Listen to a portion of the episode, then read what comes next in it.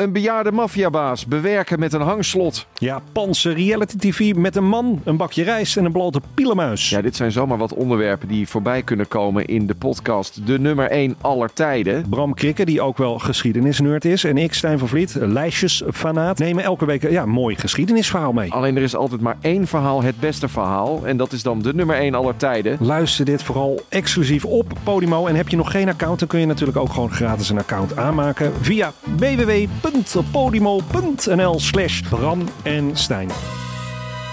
Dit programma wordt mede mogelijk gemaakt door Toto.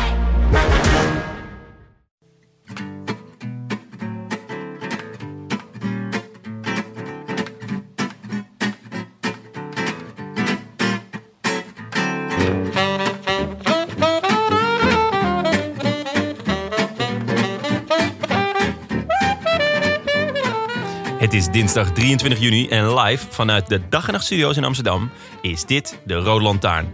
De wielerpodcast van Het is Koers.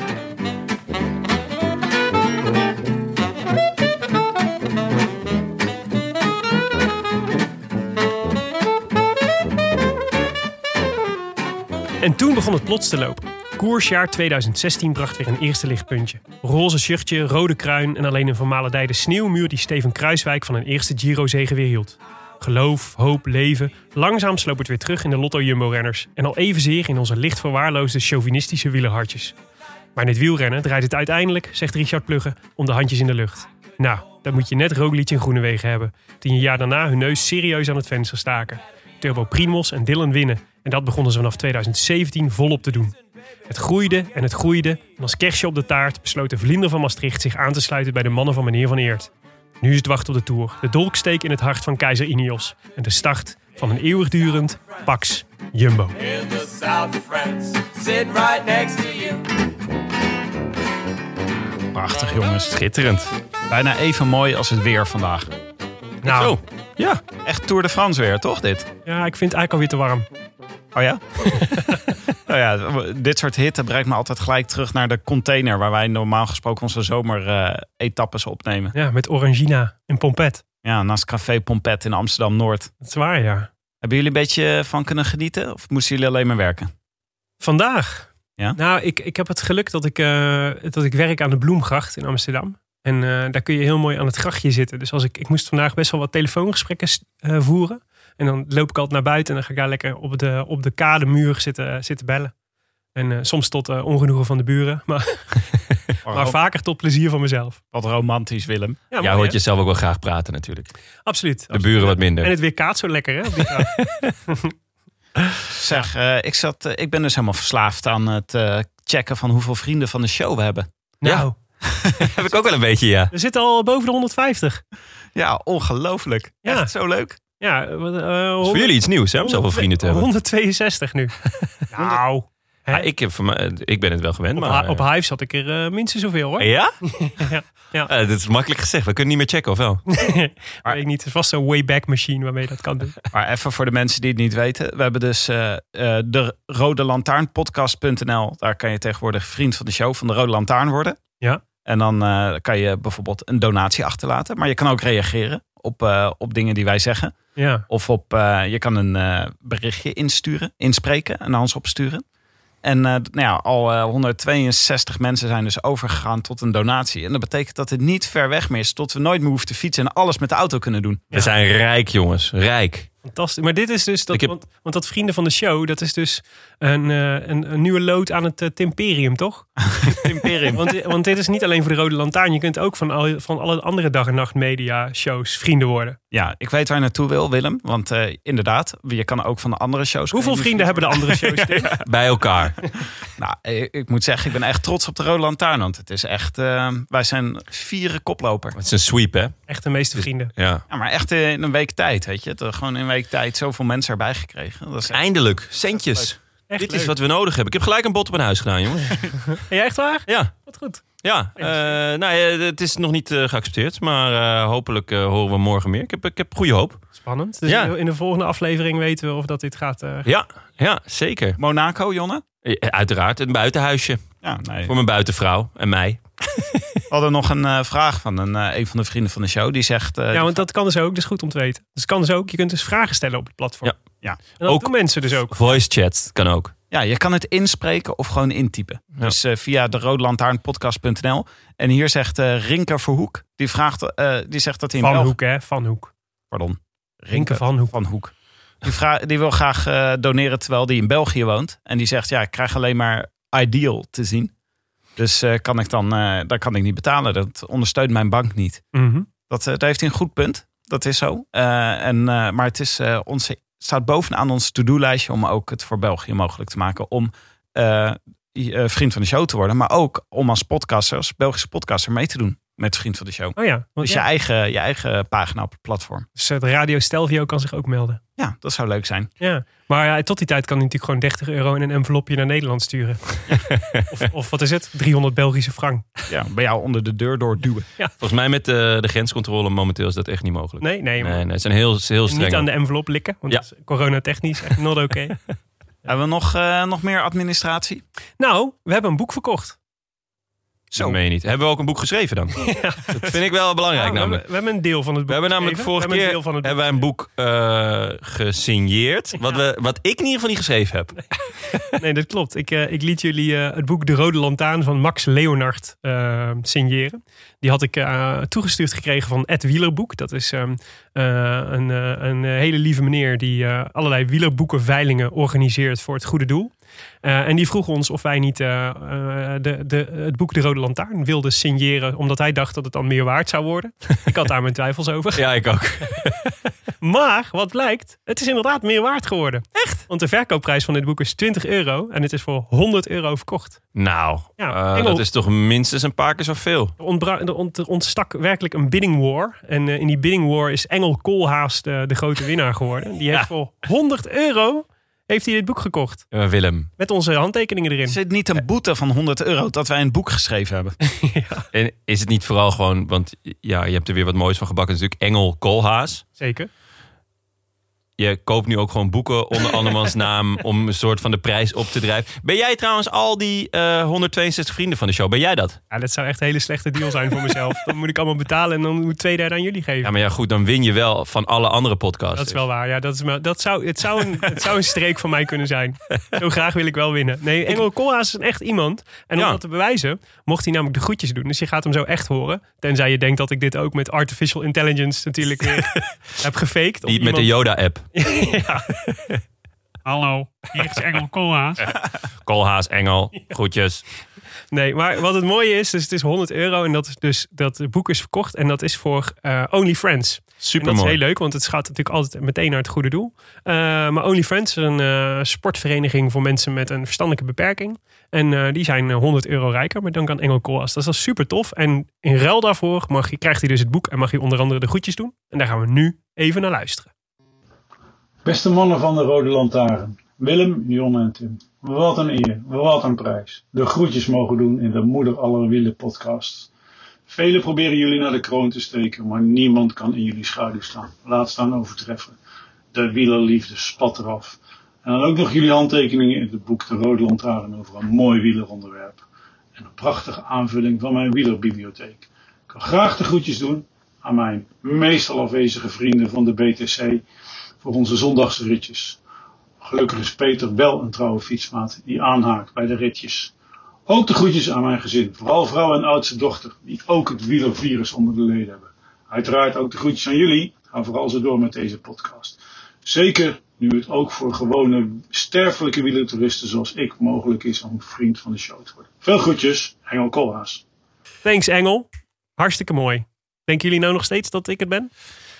Ik, ik sluit echt niks uit. Eh, Met die, met die rare streken van jou. Het, is, eh, het zou me echt niet verbazen. Oké. Goed, rectificaties eh, van de vorige aflevering. Ja. Deel 1 van het Jumbo, twee luik. Ja. Hebben we nog iets, Willem? Vooral veel complimenten. Mag ik dat eerst even zeggen? Want we branden onszelf altijd af met die eh, rectificaties. Van, eh, dat jullie weer hebben lopen schutteren. Ehm, is. maar ja, zeker. Jullie maken elke keer weer eh, een, een hoop fouten. En die, probeer ik dan weer recht te zetten. Ja, ik heb er ook al eentje gevonden, namelijk voor vandaag. Maar die zal ik zo meteen nog even doorgeven. Mhm. Ehm, maar we kregen veel... Ik, ik, Laurens ten Dam, die belde me op. met, met complimenten. Die zei van jongens, eh, ik, vond, ik heb echt genoten. Kijk uit naar deel 2. Leuk. Dus Oh, ja, leuk. Dat is toch leuk? Ja, dat is heel leuk. Van onze conculega. Ja, ja, ja, zeker. zeker. Oké, Maar, maar maar eh, kom maar door. ja, en echte rectificaties? Ja, de hele pijnlijke was natuurlijk dat we, dat we, we hadden het over Clippy. Eh naar aanleiding denk ik van het feit dat de Rabobank ooit Word Perfect heette. en toen zei ik eh, dat Clippy de ster van Word Perfect was. Naast eh, Michael Bogart en Oscar Freire. Maar dat was niet zo, want Word Perfect had helemaal niet Clippy. Clippy was de ster van MS Word. Ja, Ja, Word. van Office. Ja. Microsoft Office. Ja, precies. Nou ja, Nou ja, nee, is belangrijke niet rectificatie. Word Perfect. Hebben jullie eigenlijk ooit gebruik gemaakt van Clippy? Want ik vond hem eigenlijk altijd bokken irritant. Nou, weet je... Wat deed hij eigenlijk? Nou, wat ik me kan herinneren is dat je dus eh, dat je kon kiezen of je Clippy wilde. Clippy was soort de original gangster van MS Word. maar je kon, ook, eh, je kon ook kiezen voor een hondje bijvoorbeeld. En ik kan me herinneren dat ik altijd de computer instelde dat ik het hondje kreeg en niet eh, Clippy. ja, dat kon. Jij mocht zeker vroeger geen hond thuis. Eh, dat heeft lang geduurd. Ik heb lang moeten zeuren, ja. Dus lang heeft hij digitaal bestaan. lang, Nee. Mag ik een hond? het- Nee, je mag wel een Clippy. Lang was, het, lang was het hondje van MS Word mijn enige vriend, Jonne. En Moet je nagaan hoe blij ik Ja. ben met die 162 Ja, dat snap vrienden van de show. Jammer dat je het allemaal zelf bent. Ja. En we hadden nog een tweede foutje, want, eh, want eh, en die kregen we over, over wielerprofs met reacties gesproken. Mike T, Mike Teunissen. Van Gele truidrager, voormalig gele voormalig truidrager. gele truidrager, g- grote favoriet voor eh, Parijs-Roubaix en de Ronde van Vlaanderen van dit jaar. Die, eh, die, eh, die WhatsAppte met toch wel een belangrijk bericht. Want we hadden het over eh, de Amsterdamse brani van, eh, van Dylan Groenewegen. Mhm. En van zijn vriendin Nine Storms. En, en daar reageerde hij op. Want hij zei, ergens in de laatste tien minuten heb je het over de brani van Dylan. De Amsterdamse brani en vooral die van Nine. Maar dan moet ik als Limburger toch even nuanceren. Want Nine is gewoon een echte Limburgse. Dat vindt ze niet zo mooi om te horen. Maar ik moet het toch even zeggen, zegt Mike. En dus ik, ik ga dan natuurlijk checken. hè. Fact checken, Ik zo ga- ben jij. Ik ga niet... eh, Natuurlijk. kijk, En neemt dit niet zomaar voor lief. Nee, dus ik, eh ik hup naar spelersvrouw.nl. Want Het bestaat spelersvrouw.nl. spelersvrouw.nl, daar kun je al dit soort jongen, ik heb informatie gezien dat het je startpagina is. Dus dat je hier nu een beetje eh, van de domme gaat lopen houden. En op spelersvrouw.nl las ik dat Nine Storms geboren is in Sittard. Dus ik denk dat we er inderdaad een eh, Limburgse man... Sittard, je bedoelt Sittard. Ja, ja. Oké. Spelersvrouw.nl. Het moet meer omhoog op het laatst. Alsof er een vraagteken als er achter een vraag is. Ja, ja. Akkoord. Het Nou is ja, ook spelersvrouw vraagteken NL in Limburg. Goed, Tim, Ja, wat gaan we eh, doen vandaag? Ik wilde zeggen, Mike Teunis die, eh, stuurt hier gewoon een hele leuke rectificatie in. En dan wordt zo zijn Limburgse accent hier de grond in geboord. Door Jonne, hè? Ja, dat is Door waar. Jonne. Dat wil ik maar even Ik hoop dat hij het onthoudt. Ja, wat gaan we doen vandaag? Eh, dit is deel 2 van het tweeluik over, nou laten we het Team Jumbo noemen. Want het heeft natuurlijk verschillende gedaante, gedaantes gehad. Dus als je de eerste nog niet geluisterd hebt, is het aan te raden om de eerste ook nog even te luisteren. Die staat in je podcastfeed. Ja, heel veel powerduiding daarin. Heel veel powerduiding. Maar eh, Schitterende aflevering. sommige mensen die waren wel een beetje triggerd door alle eh, kritiek die we gaven. Op Ja, zo. Ik vond, ik vond eigenlijk dat we juist te veel fanboy waren. Maar er is dus ik een, vond het te mild. Ik vond het echt fascinerend. Er is dus gewoon er is, er is een groep mensen die, zich, die echt fan is van Jumbo Visma. Dat, dat, dat ben ik ook fan van Jumbo-Visma. Maar je bedoelt die zeg maar echt gelijk in de wiek Net als dat je voor Ajax van, eh, bent. ja. Dat, dat had ik. Ik heb zo. dat Oh, is- zo. Vond ik eigenlijk een nieuwe dimensie aan, aan wielrennen die ik nooit zo had. Ik ben nooit echt fan geweest van een ploeg. Ja, ik had, ik had het wel bij Rabo. Maar inderdaad niet zo... Nou ja, toch, toch wel sterk hoor. Je, wa- Maar toch niet net als dat je voor Ajax bent of voor NAC of voor. eh, dat is- echt- zijn er mensen voor zo? NAC? Ja, in Breda wel. Echt? Best wel veel. Wow, heftig. Ja, ieder jaar weer vol. Moeten we daar niet een keer een aflevering aan, aan, eh, Heb, ik aan al, duiden? heb ik al gedaan. Neutrale Oh. kijkers. Kun je, gewoon, kun je gewoon terugluisteren. Ah, verschrikkelijk. Ik maar, Maar ook over NAC. Maar, de, maar, dus, nee, maar het is dus fascinerend. Want ik had dat is dus, een, dat is dus kennelijk een wereld van mensen die echt, eh, die echt supporter zijn van, een, van één wielerploeg. ja, ja. Dus ik heb het veel meer met renners. Ik, ja ik dat heb ik eerlijk gezegd ook. Want een petje met de supporter, supportersclub Mike Teunissen. Hebben we natuurlijk alle drie. goed petje. Heel goed petje. Maar dat is toch, dat is toch ik vond dat, een, vond dat onthullend. Dat Ja. die groep mensen er dus kennelijk is. Ah, ik ben wel Die een waren Met, eh, ik ben, ben wel een beetje met John. Ik snap het wel hoor. Ik had het ook met eh Rabo en het begint steeds meer te krijgen met Jumbo. Ja, dat Dus eh, Maar toch zijn er, ik snap ook wel wat jij bedoelt, want er zijn toch ook veel renners buiten Jumbo of, of buiten eh, Rabo, waar je dan toch ook fan van was. ja, Ik bedoel, ben echt een Van Avermaat fan ja, bijvoorbeeld. precies. Vind ik echt gewoon vet. Maar zij zijn dan zo Ja. fan dat bijvoorbeeld als Mollema voorop rijdt en eh Roglic is in de achtervolging, dat ze dan voor Roglic juichen omdat ze meer Zijn dan... Ja, dat had ik vroeger dus wel met Rabo. Ja? Dat ik vroeger wel met Rabo. En eh, ik ben benieuwd of dat met Jumbo... Lutenberger voorop reed, dan eh, was jij, ging je helemaal aan. Dat sowieso. Maar ook als Peter Lutenberg bij een andere eh, eh, ding had voor, ergens voorop reed, dan stond ik op de banken. Maar dat gebeurde helaas nooit. dus we kunnen niet checken, bedoel je? Nee, nee, nee. nee. Maar dus daar kregen we best wel, daar kregen we, die waren, vonden dat we te streng waren inderdaad voor Jumbo. Nou, ik vond het behoorlijk fair en balanced eigenlijk. Maar het was natuurlijk gewoon ook... eh, een van de onderwerpen wa- was het verwachtingspatroon eh, rondom de ploeg. Ja. Ehm, we gaan zo meteen eh, dus deel 2. nou ja, we gaan aan deel 2 beginnen. En we hebben het even zo gesplitst. Dus vorig deel ging over de beginjaren van het team. En nu gaan we praten over hoe het team nu is. En hoe ze zo ontzettend goed zijn geworden. Even voor de mensen die het niet gehoord hebben. recap van vorige week. van de vorige aflevering. Hoe, wat hebben jullie vooral onthouden van, van de gesprekken die we toegevoerd hebben? Ehm, nou ja, een, een aantal dingen natuurlijk. Dus je had ehm, wat we cons- de- de- wil je de conclusies horen van onze, Conclusies. van onze analyse? Even een paar conclusies. Nou, conclusie 1 was dat eh, de. Want we hebben het eigenlijk over de periode 2013 tot 2017. Eh, dat is ongeveer de periode wat, wat, wat, wat- laten we zeggen, de, de, de nadagen van de Rabo, eh, Belkin en vervolgens Blanco en vervolgens Jumbo. Interbellum. Ja, e- eerst Blanco. Ja. Blanco, Belkin, Precies. eh, Lotto Jumbo. Nou, dat we eigenlijk eh, constateerden dat de vergelijking met de Rabobank dus eh, ze heel veel parten heeft gespeeld. Zeker in de eerste jaren. Qua imago en budget. Dus dat, dat de Rabobank had natuurlijk het imago van een, van een hele rijke ploeg en een hele succesvolle ploeg was het ook altijd. Dus veel, er, werd, er werd veel gewonnen, gingen grote renners naartoe. Had altijd veel uitstraling.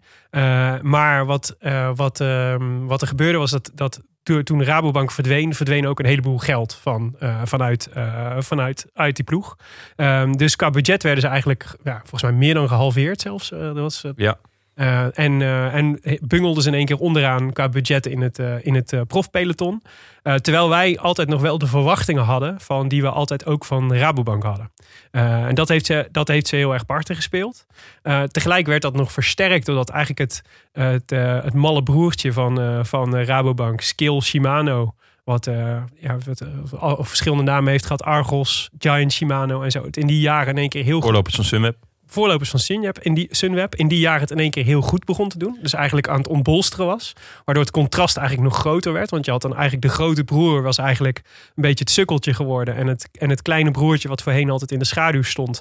Werd in één keer de, de glamour boy van het, eh, van het Nederlandse wielrennen. Met nog zo- natuurlijk uiteindelijk nog zeg maar in extre of de, de, de, het extreemste was dat Dumoulin natuurlijk de Giro won. Als eerste Nederlander sinds eh, nou ja, de Ooit. grote ronde. Ja, precies. Maar voor sinds Zoetemelk een eh, grote ronde. Ja. Eigenlijk eh, die ook, ook nog voor Kruiswijk had moeten zijn. Hè? Dat, dat was natuurlijk nog extra pijnlijk. Ehm, maar de, vooral de eerste jaren van eh, dat er ook heel veel gebrek aan zegens was. Dus we waren best wel wat ereplaatsen. Dus wij constateerden eigenlijk, weet je, dus die Giro van Kruiswijk was natuurlijk eigenlijk een, een hele mooie. En had hij moeten winnen. Geesink werd in dat jaar zesde in de Tour. Nee, dat was, was het jaar ervoor. Oh ja. Het jaar ervoor, 2015. Ja, maar de, dus best wel wat ereplaatsen, maar eigenlijk heel weinig overwinningen. Dus ze hadden eigenlijk goede, best nog wel best wel wat goede renners in de ploeg, maar geen winnaars. Ja, en zeker in 2015 duurde het ook lang voordat Ja. de eerste zege kwam. En dat was dan ook geen World Tour zege. Dus uiteindelijk, qua zeges was het gewoon wel heel mager. Ja, En precies. ja, uiteindelijk gaat het toch om wie als eerste over de streep komt. Nou ja, om de handjes in de lucht, hè Jonne? Ja. Die handjes, die handjes, die handjes in de lucht. Sorry, Ja. ik, dan moet ik Ja, eh, een oude tik uit het feest van En, Joop. en, eh, en tenslotte voor, volgens mij voor de sponsors, want dat was ook nog wel, dat is ook nog wel relevant. Dus eigenlijk had je, heb je dus eh, in die verschillende tijdperken ook telkens verschillende namen. En eigenlijk de conclusie was eigenlijk Lotto NL, dus de Nederlandse, de Nederlandse loterij en, en Lotto in het bijzonder. Heeft eigenlijk eh, de ploeg gered. Eh, die, die zagen het dreigt te verdwijnen met het verdwijnen van Belkin. Wij moeten erin springen, anders verdwijnt er een, eh, een, een belangrijke ploeg uit de Nederlandse wielergeschiedenis. Eh, dus Lotto NL heeft ze echt heeft ze gered. Vervolgens met Brand Loyalty, wat ik eigenlijk altijd als een soort subsponsor heb beschouwd. Ja, die was op de achtergrond heel belangrijk. Bleek op de achtergrond heel belangrijk bij het bouwen van de ploeg. En eigenlijk met het instappen van Jumbo kwam eigenlijk het vertrouwen voor de lange termijn. Die durfde eigenlijk te zeggen, die geloofde eigenlijk in het project van eh Plugge en Zeeman en, en een aantal anderen. Om echt te gaan bouwen aan een, aan een ploeg die op termijn eh, voor, echt voor de prijzen weer eh, en de grote prijzen, de, tours, de tourzegers mee kon gaan doen.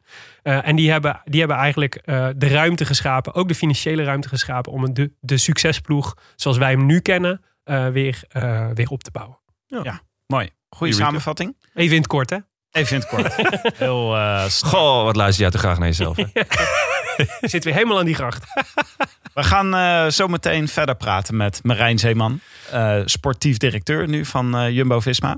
Eh, maar voordat we daarnaar gaan luisteren, eh, nog even een kort eh, sponsorfragmentje. Nou ja, althans, ik bedoelde het kort. Ik ging vanmiddag dus even bellen met Filemon Wesselink om te praten over voeding en over zijn eh, eh, Ben je weer aan het name droppen? ambities om de Angliru op te fietsen. Nee, nee, nee, nee het- hij, komt, hij komt echt. Oké. Maar ik had dus een heel leuk telefoongesprek met hem. Dus het is iets langer geworden. Het is acht minuten geworden. Nou, hier komt hij.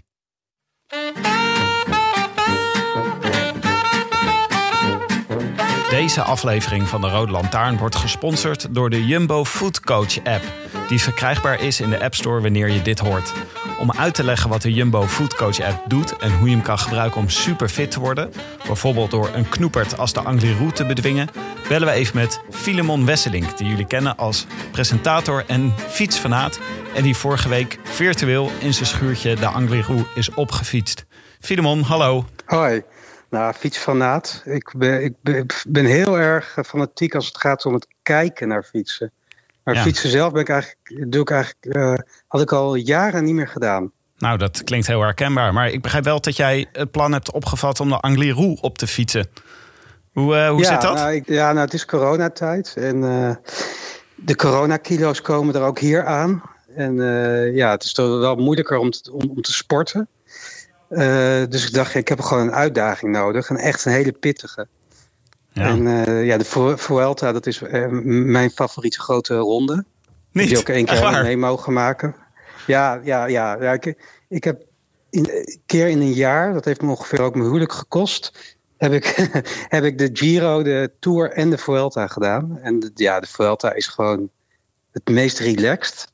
Spanje is natuurlijk een heel relaxed land. eh, Of ook om die binnenlanden en zo eens te zien. Het is ook een super mooi land qua natuur. Ze beginnen lekker laat. En, eh, en als je dan supporters hebt, dan zijn het ook echte fanatieke supporters die ook alles van wielrennen weten. Maar waarom de Angliru? Nou, dat, dat is natuurlijk wel de, de meest, misschien wel de meest mythische berg in het peloton. Terwijl natuurlijk nog, of, of in het wielrennen, terwijl er natuurlijk helemaal nog niet heel lang erin zit. Maar de, de, de Ronde van Spanje, die wilde natuurlijk ook een soort van Alpe d'Huez of Mont Ventoux. Of ja, in, in Italië heb je dan de Mortirolo of, de, de Zongolan. Dus de, de Ronde van Spanje dacht, ja, wij moeten ook zo'n zo, zo'n soort berg eh, hebben. En toen waren ze daarnaar op zoek. En toen heeft een, een, een blinde man, nota bene, die, die daar in de buurt woonde, die, die, eh, die zag op een gegeven moment die berg. En denk, nou, dit is echt perfect voor het wielrennen. Dit is- levert echt spektakel op. En die heeft toen die organisatie gebeld van, jullie moeten hier eens komen kijken. Nou, dat hebben ze gedaan. En toen dachten ze van, nou, wij hebben onze Alpe hebben we gevonden. Maar hij is veel steiler en veel zwaarder dan de Alpe d'Huez.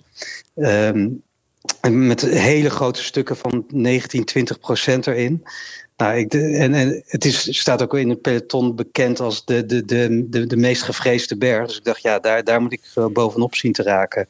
Ja. En begrijp ik nou dat Jumbo-Visma jou een handje heeft geholpen om, eh, om je hierop voor te bereiden? Ja, die hebben, nou ja, wat heel waardevol was, kreeg Tim, eh, een van de trainers, kreeg ik, eh, kreeg ik toegewezen. Dus daar heb ik echt mee dagelijks mee geappt. Dat was echt fantastisch. Dan krijg je ook een beetje inzicht. Ik wist natuurlijk best wel veel over, eh, of natuurlijk, maar omdat je, als je veel wielrennen kijkt, krijg je ook veel mee van die wattages.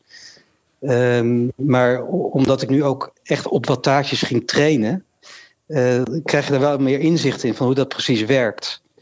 Eh, en ik kreeg ook van hun trainingen, die, eh, want ik heb het allemaal in mijn oude, oude schuurtje gedaan. Die kon ik dan inladen in de computer via Swift. Ah ja. En dat soort systemen. En dan kon ik ook gewoon de trainingen die hij voorschreef, kon ik, kon ik doen. En soms was dat maar een, een training van 50 minuten, maar super effectief. Ja, en dan word je, word je, word je heel snel eh, sterker. En ik had natu- eh, ook de foodcoach eh, van Jumbo eh, Visma gesproken. En ik heb ook die app gebruikt. Ja, dat- en dat, ik zeg heel eerlijk, dat is wel het, het, het meest zware aan zo'n heel project. Want zo'n, eh, zo, ja, je, je moet dan officieel, moet je dan zes keer per dag eten. Dus eh, ontbijt, snack, lunch, snack, avondeten, snack. En het zijn allemaal aparte maaltijdjes. En, eh, je krijgt er wel een beetje het gevoel van hoe zo'n renner ook leeft. Hè? Wat van monomaan leven het eigenlijk ook is. Dus je, je bent of aan het trainen of met je voeding bezig. Ja. En als je dan nog tijd over hebt, ga je het liefst op de bank liggen. Om, om je benen rust te gunnen. Dus ja, je krijgt er wel een- het gevoel van hoe zo'n profwielrenner eigenlijk eh, leeft. En maar, Dat is wel, wel het leuke van zo'n foodcoach-app. Als, als, als ook amateurs dat kunnen doen, dan, dan waan je je wel echt profrenner. en wat eet je dan eigenlijk? Wat, wat moet ik me daarbij voorstellen? Ja, echt van alles en nog wat. Dus het kan echt eh, risotto zijn, of pastaatjes, of s'avonds een soort chocolade aardbeien shake. Of het is allemaal heel smakelijk. Er staan gewoon receptjes op. En als jij maar gewoon precies doet. Je, je kan zelf die receptjes uitkiezen. Dan kan je bijvoorbeeld uit 128 eh, verschillende avondmaaltijden kiezen. En als je dan maar precies eh, de hoeveelheden aanhoudt, dan, dan weet je gewoon dat je goed zit. Maar deze recepten vind je in de Jumbo Food Coach app. Ja, dat staat er allemaal in. Dus dan, eh, d- d- dan kan je precies, dan, eh, dan zeg je bijvoorbeeld vanavond wil ik risotto eten. Dan staat er precies in van wat je dan moet kopen.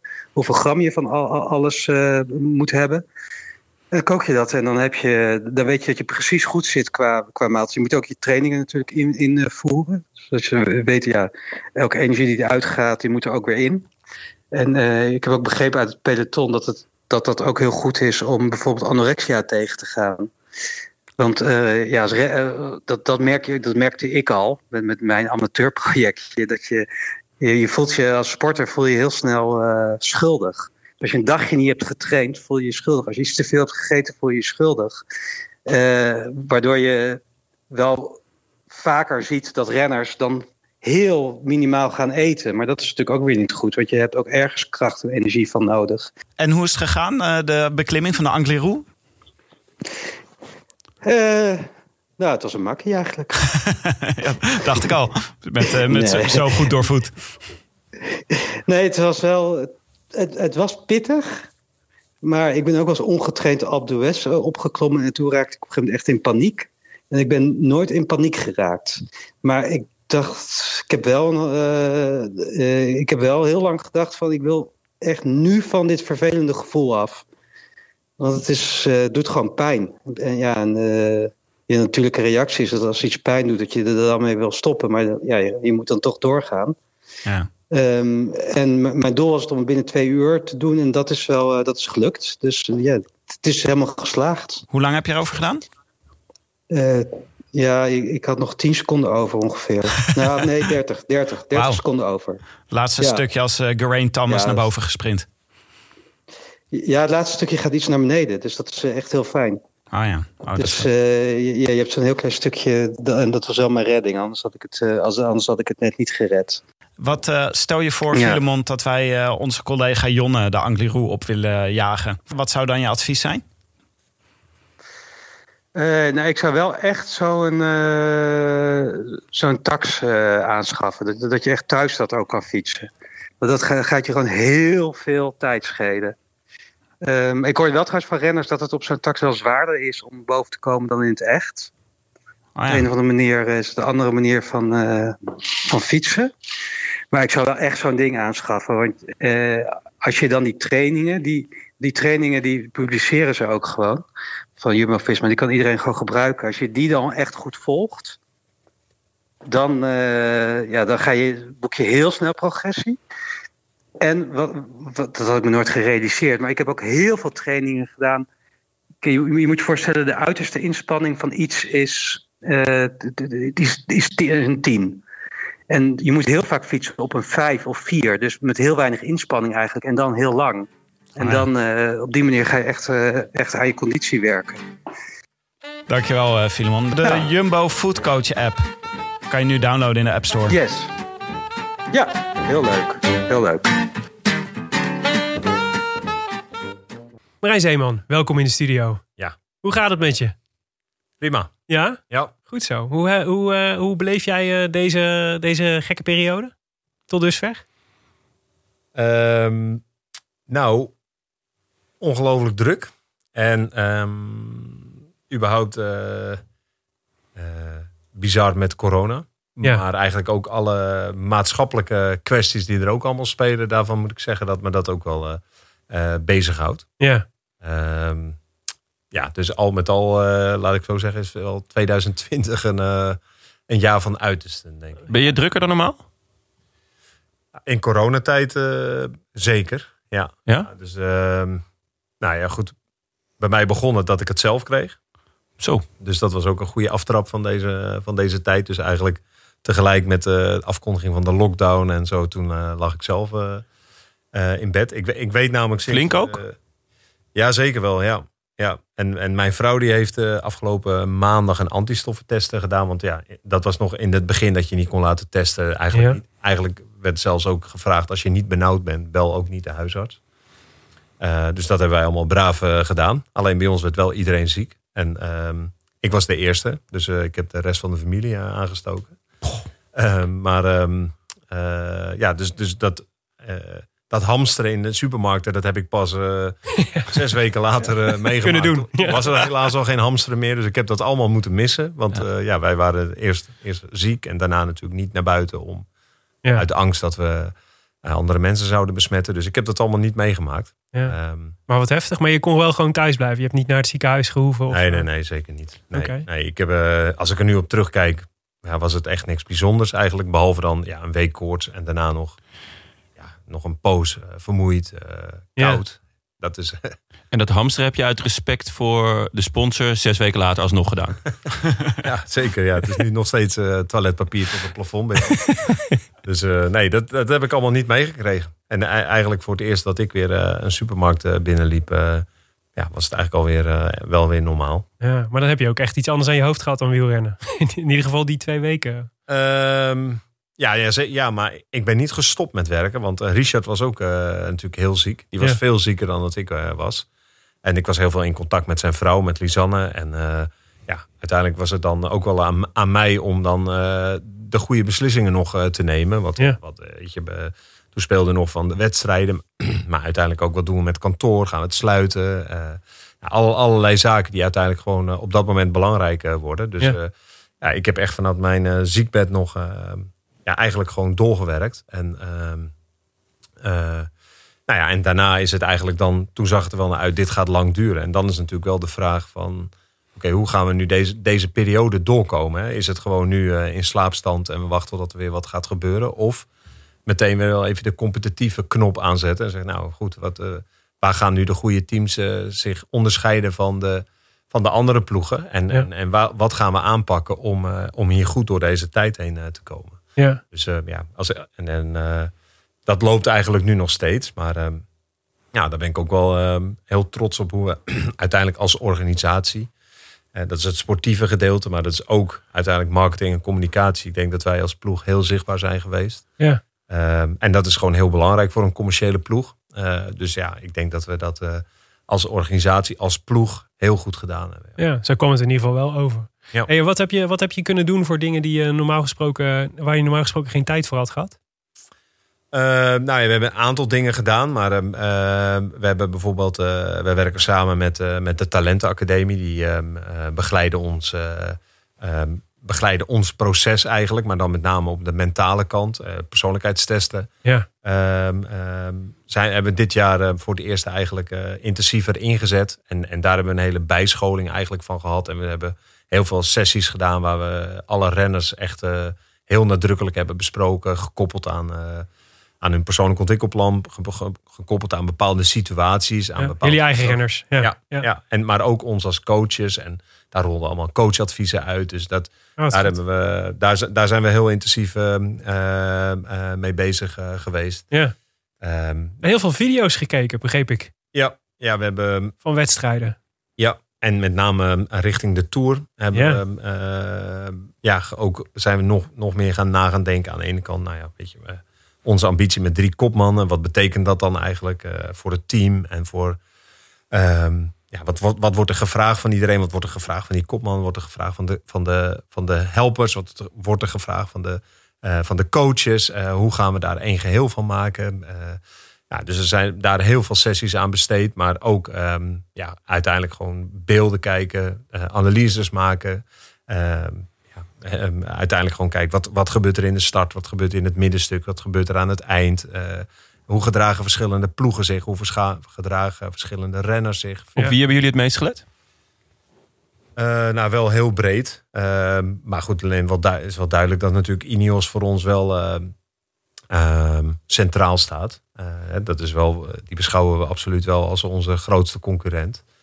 Ehm, maar we hebben wel echt eh, een hele rits aan andere Ja. kanshebbers. eh, Het zijn er ook nogal wat, hè, natuurlijk. ja, ja, zeker. Ja. Hey, en en, en eh, is je dan eh, ook nog echt, zijn, zijn je dan ook nog echt andere dingen opgevallen dan dat je al wist in die ploegen? Want dat is die, ja, Zeker kijk, je wel, ziet hier ja. natuurlijk zoveel. Ja, nee, we hebben wel, ja, absoluut wel. Maar we hebben ook eigen, onze eigen etappes teruggekeken. En waarvan we dachten, nou, dat hebben we goed gedaan. Waarvan we nu eigenlijk dachten, oh nee, dat, dat, dat hadden we eigenlijk anders moeten aanpakken achteraf. Of hadden we anders op in kunnen spelen op bepaalde koerssituaties.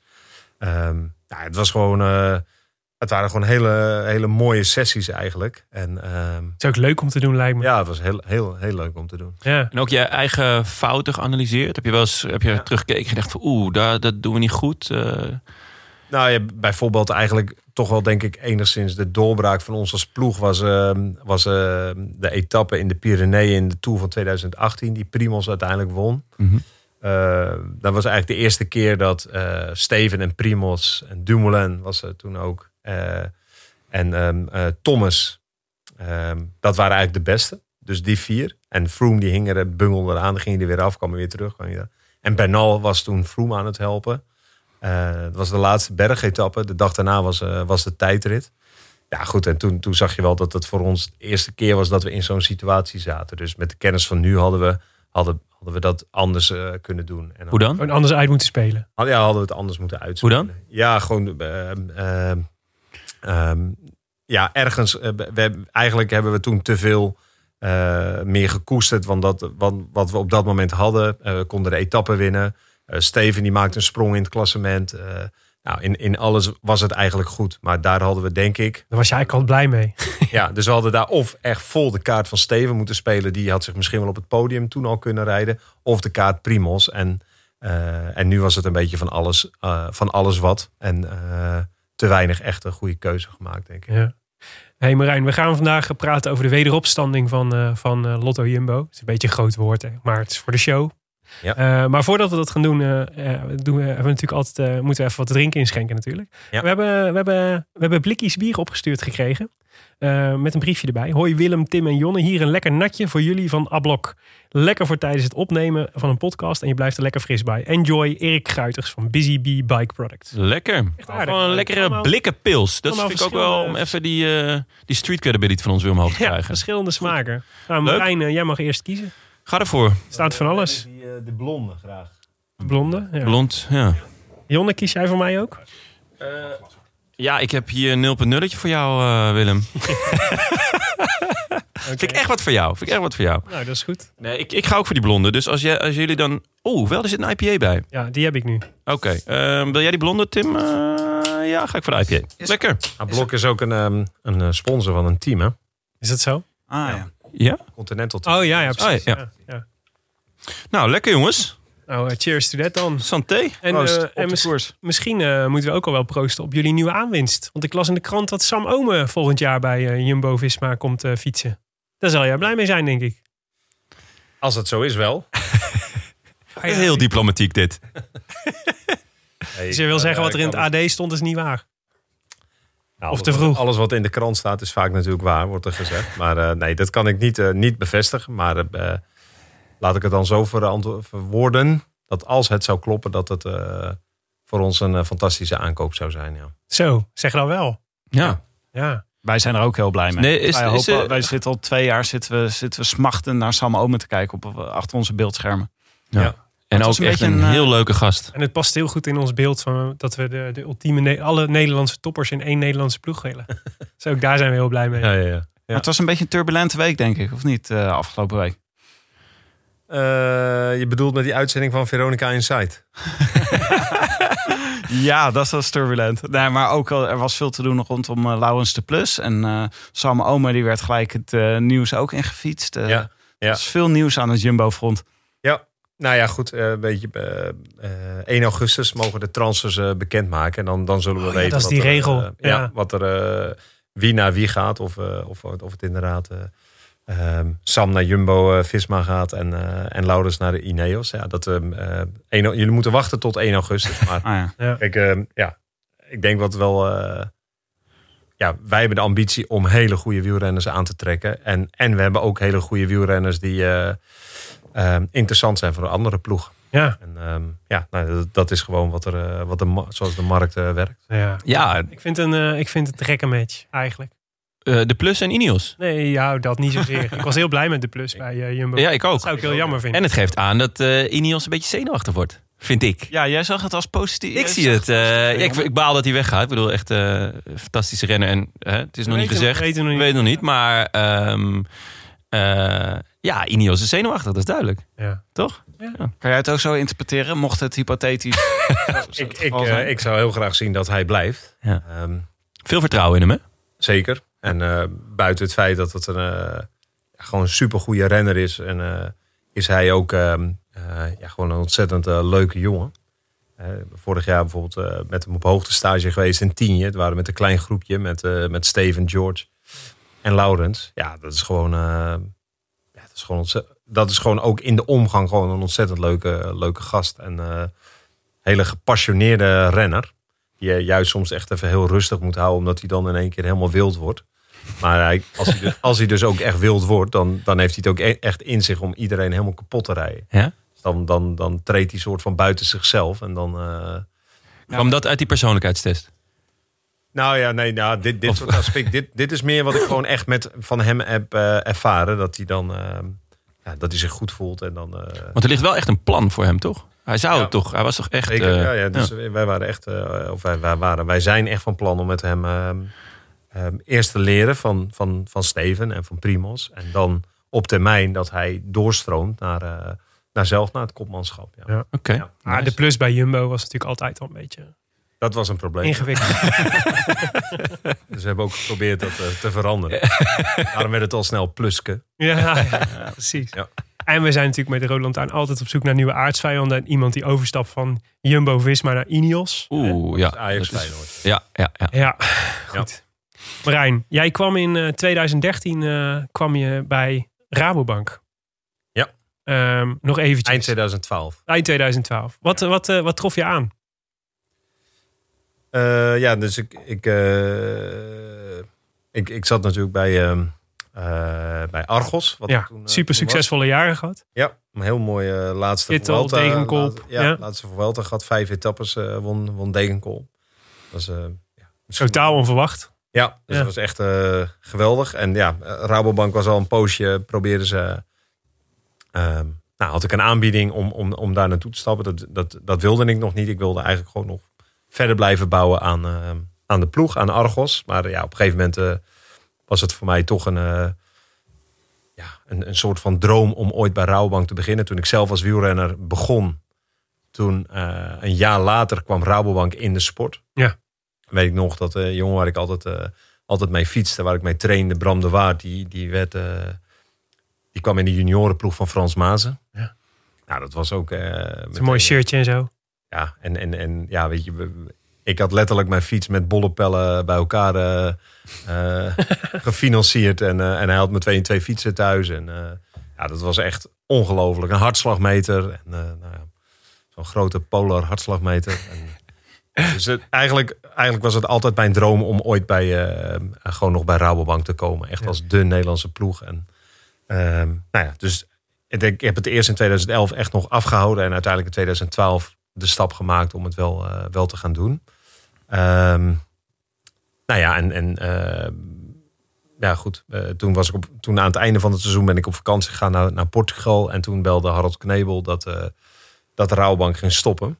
En dat... Lekkere timing. Ja, dus eh, dat was... En ik zou, daar, ja, vlak daarna zou ik eh, beginnen. Wat was je, je, je eh, rol? Als, als wat werd je aangetrokken? Ja.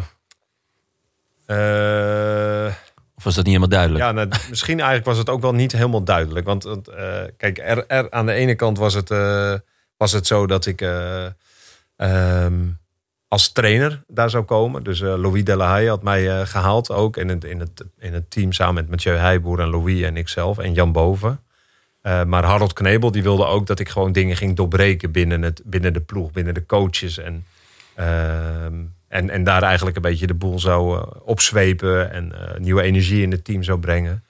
Ehm, Ehm, ja, en, en dat er bepaalde dingen gewoon anders zouden, zouden gaan. Ja, dus dat- was oorspronkelijk het, het plan. Alleen, ja, dat veranderde heel snel. Want Harold die was in januari weg. Want toen werd eigenlijk alles met Rabobank was toen doorgeknipt.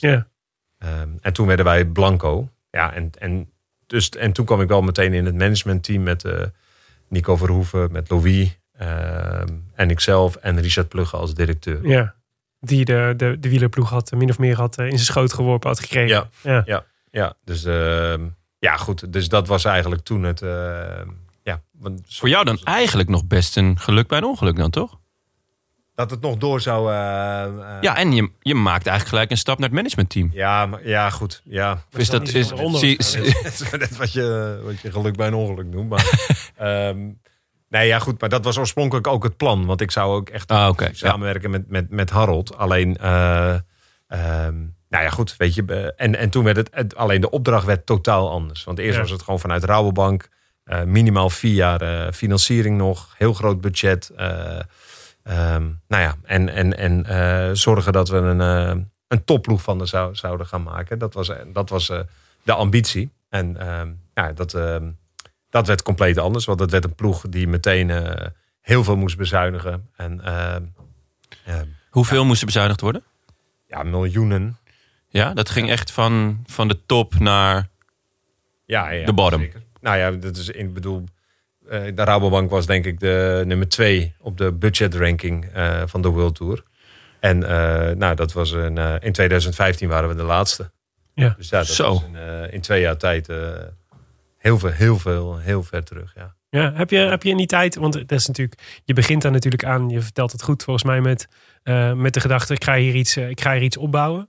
En eigenlijk, dat waren natuurlijk eigenlijk crisisjaren. Dus, de, de- Ja. dus er viel eigenlijk niet zoveel te bouwen. Het was vooral, denk ik, overleven voor je. Ja, ja zeker. Nee, ehm, eh, het was ehm, ehm, heel leerzaam achteraf. Want als je er op dat moment in zit, dan, dan is dat toch een beetje eh, anders. Hè. Nu, nu kan ik echt zeggen van, nou, wat, eh, wat zorgt er nou voor dat, dat, dat de sfeer heel, heel slecht kan worden eigenlijk? Wat, wat zijn daar de oorzaken van? En Ja. ik kan nu ook zeggen, hoe kun je dat doorbreken? Dus Mhm. hoe kun je ervoor zorgen dat dat, dat juist wel weer energie in een team komt en wel weer eh, waar mensen graag bij willen zijn. Eerst, Ja. eerst weten ze niet zo hard ze moeten weglopen eigenlijk. En een ander moment wil iedereen erbij horen. Nou, die, ik heb die twee in een paar jaar tijd heb ik dat nu ervaren wat dat is. Dus het is gewoon voor mijn, voor mijn carrière en ook voor, ja, voor me, ja, om als je leiding geeft, is dat een enorme eh, waardevolle periode geweest. Omdat ik eh, ja, de twee uitersten eigenlijk nu eh, in een gezien. paar jaar tijd heb meegemaakt. Maar voelde het ook als zo voor jou als, eh, want ik had het er met Richard Plugge over in de vorige uitzending. Die zei ja, eigenlijk was ik in die tijd vooral bezig, bezonden mijn dagen uit het, het, het zorgen dat we het jaar daarna nog zouden bestaan. Weet je, Ja. het zoeken van sponsoren, proberen om geld te vinden. Ja.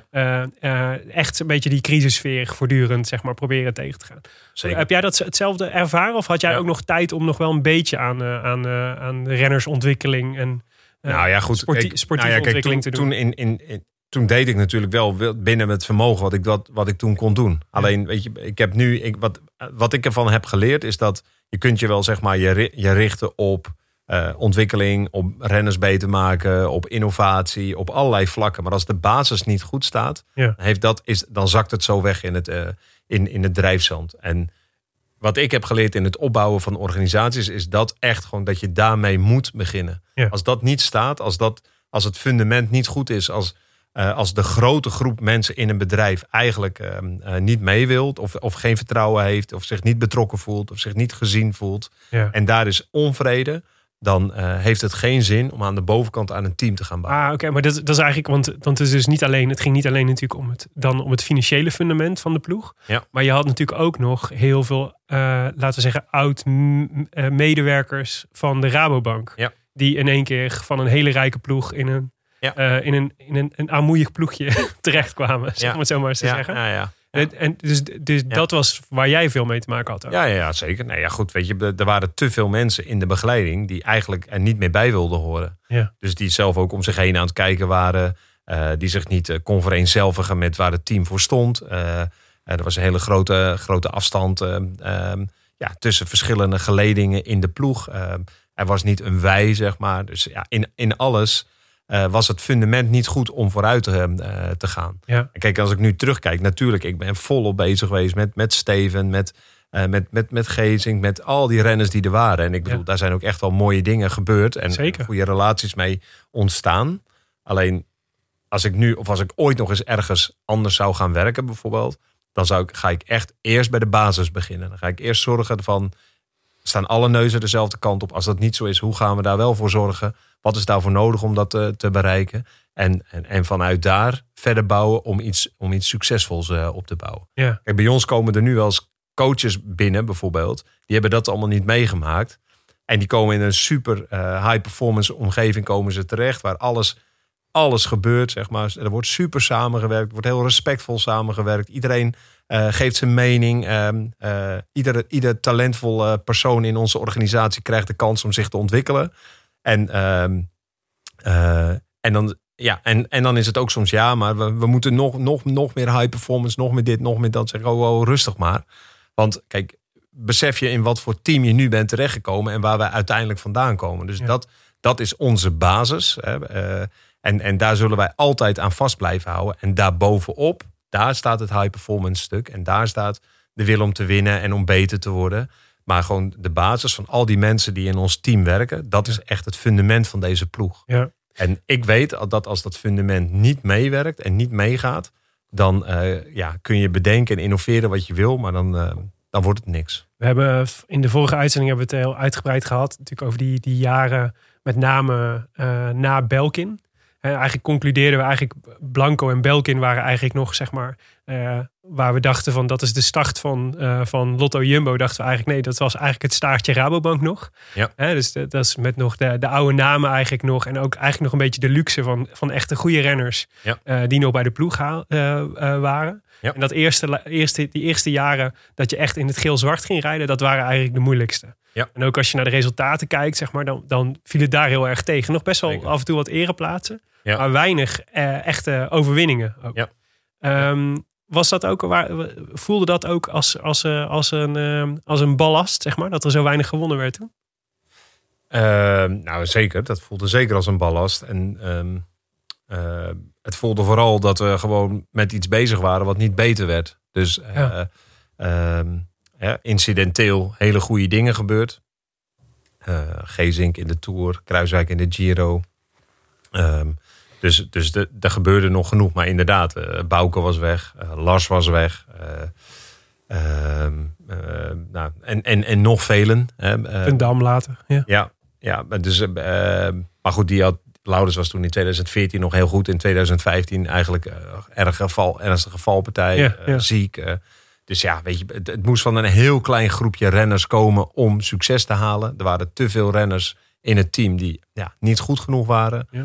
Ehm, Daar hebben we Bram Tankink over gehoord. ja, maar en, en, en, en er was, ja, er, er was gewoon niet, er lag niet een. ehm, ehm, we hadden nog niet het, het plan geformuleerd wat, waar we eind 2016 eh, met z'n allen achter zijn gaan staan. Waar, wat we met z'n allen hebben opgebouwd. En, Ja. ja, en, en het was toen, nou, wat Richard heeft gezegd, het was toen nog veel meer overleven. Er was, eh, nou, er was veel spanning, veel stress. ja, het was niet een organisatie. Het was gewoon geen organisatie waar je succesvol mee kon. Heb jij, heb jij ooit in die periode overwogen om, om, om het bijltje erbij neer te gooien? De dacht van, eh, van het, is, het, is, Ja. het is te veel. Ehm, nou ja, ehm, eh, nee. Want ehm, eh, ik, ik gooi eigenlijk nooit het bijltje erbij neer. Dus dat als, als iets niet lukt, dan ga ik gewoon nog harder duwen totdat het wel lukt. Mhm. Opgeven is gewoon, dat komt, niet, in- dat komt niet in mij op.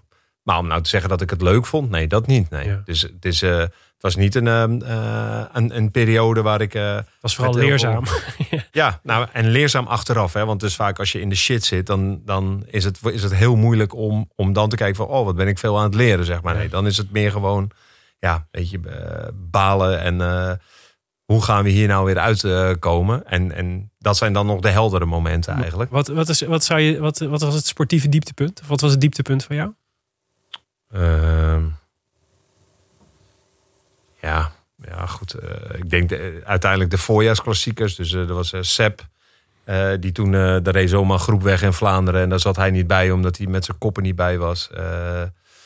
Toen in Roubaix reed hij wel heel sterk. Maar eh, toen eh, eh, Toen had hij toen reed hij lek. Toen moest hij op een of andere ja, oud, eh, oud wiel verder rijden waar je, waar je de koers niet, eigenlijk niet eens mee kon uitdoen. Toen gingen we naar de Ardennen klassiekers. Nou, en dat, eh, ehm, dat in de Amstel eh, ehm, zat Wilco mee op een belangrijk punt, maar reed hij, reed hij een weiland in. Ehm, toen in de Waalse Pijl, toen reed hij wel top 10. En toen in luik bastenaak luik hadden we weer een massale valpartij. Lagen we weer met de halve ploeg bij. Ja.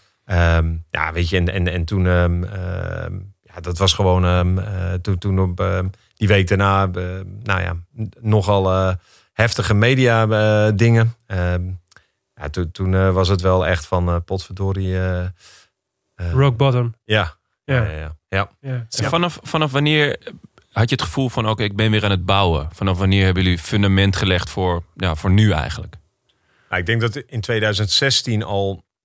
Toen kwam Dylan bij de ploeg. Eh, weet je, dat, toen, toen begonnen we al een beetje weer echt plannen te maken, sprinttreins te formeren. eh, eh, heel bewust eigenlijk bijvoorbeeld gekozen voor een kleine programma. Ronde van Drenthe, Nokeren, Driedaagse West-Vlaanderen. Nou, daar had ik al. Daar had ik al heel veel lol. Hè. Dat vond, toen vond ik het al echt, echt mooi om, om daaraan aan te bouwen. Maar dat was nog een heel klein groepje eigenlijk. In een grotere eh, ploeg. En eind 2016, toen hebben we echt rigoureuze veranderingen doorgevoerd. Toen ben ik, ben ik op de post terechtgekomen die ik nu, nu nog heb. Eh, En dat is? Sportief directeur. sportief directeur. Dus werd ik eindverantwoordelijk voor het, eh, voor het technische beleid. Heel intensief met Richard Plug eh, opgetrokken. Eh, ook heel intensief met de sponsoren opgetrokken om dit samen echt, echt te gaan doen. Ja. Ehm, en hebben we heel veel. En, en, en wat ik net zei, toen zijn we echt met het fundament begonnen. Dus dat is, eh, dat is voor ons de Blanco Koers. Dat is een document waar onze kernwaarden in staan. Eh, en dat hebben we echt met de hele ploeg samen gemaakt. Hè. Dus we hebben heel veel sessies gedaan met verzorgers, mechaniciëns, staf, kantoor, renners. Van waar staan we voor? Waar willen we voor staan? Waar willen we naartoe gaan? En hoe gaan we dat samen pakken in een, in een document wat echt van ons is. En wat ons echt de richting gaat geven hoe we hier een topploeg van gaan maken. Ja, en, die, en de topploeg, eh, wat, hoe heb je die ambitie omschreven? Wat was dat? De topploeg was, ehm, ehm, ehm, nou, dat, was het, dat, dat is ons basisdocument. En uiteindelijk kreeg iedereen de vraag, maar hoe ziet dat er dan uit? Wanneer is dit dan succesvol geworden? Ja. Want we wisten dat we nog maar eh, dat we een klein budget hadden. Dat, ons, dat we maar nog maar eh, anderhalf jaar zekerheid hadden van onze, van, van onze on- toenmalige sponsoren. Mhm. Alleen we hebben dat allemaal aan de kant geschoven en gezegd: we gaan nu echt lange termijn denken. En dan gaan we wel kijken of het lukt met sponsors. Maar we moeten nu, we gaan gewoon nu ver in de toekomst kijken. Ja, ook al hebben we maar zekerheid voor anderhalf jaar. We, gaan, we gaan een plan maken voor jaren. Ja. En het budget zat nog steeds in de onderste regionen. Wij waren de kleinste ploeg van de World Tour. Nog steeds. In 2016. Ja, in 2016. Ik vind het wel met- grappig. Tot en met 2018 zijn wij de kleinste ploeg in de World Tour geweest. Jezus. Ja. Wauw. Ik vind het wel grappig, want eind 2016 eh, zeg je van nou, toen gingen we bouwen en, en voelden het, eh, was, was er duidelijk een plan. Terwijl je eigenlijk dat jaar de Giro zomaar had gewonnen. Ei- Ja. Ja. Ja. Zou dat dan een lucky shot zijn geweest? Of Eh, nou, ik denk het niet. Want, want net Steven, 2016 is ook het jaar geweest dat ik heel intensief met Jack Ori ben gaan samenwerken. Mhm. schaatscoach? Schaatscoach, De ja. schaatscoach. Lekker Willem. Dat, dat, dat weten jullie natuurlijk niet. Dat is echt een wielrenner. We hebben ook een schaatsploeg. Misschien Ja, ja, ja. ja. Ehm, nou ja, en dat is, ehm, eh, daar hebben we heel veel, dat hebben Mathieu en ik eh, samen gedaan, Mathieu Heijboer en ik. En we hebben toen heel veel sessies met Jack samen gezeten. We hebben, hebben heel veel over training gesproken. En ik ben, eh, ben bij hem gaan kijken. En hebben echt heel veel van hem opgestoken. En, eh, en daar is Steven helemaal in meegegaan. Want eigenlijk alle nieuwe inzichten die ik heb opgedaan, die kon ik eigenlijk meteen terugla- terugvertalen in de programma's van Steven en van Dylan. Kun je, Ehm, kun je zoiets noemen? Wat, je, wat, daarin, wat daarin veranderd is? Of wat je daar hebt opgepikt?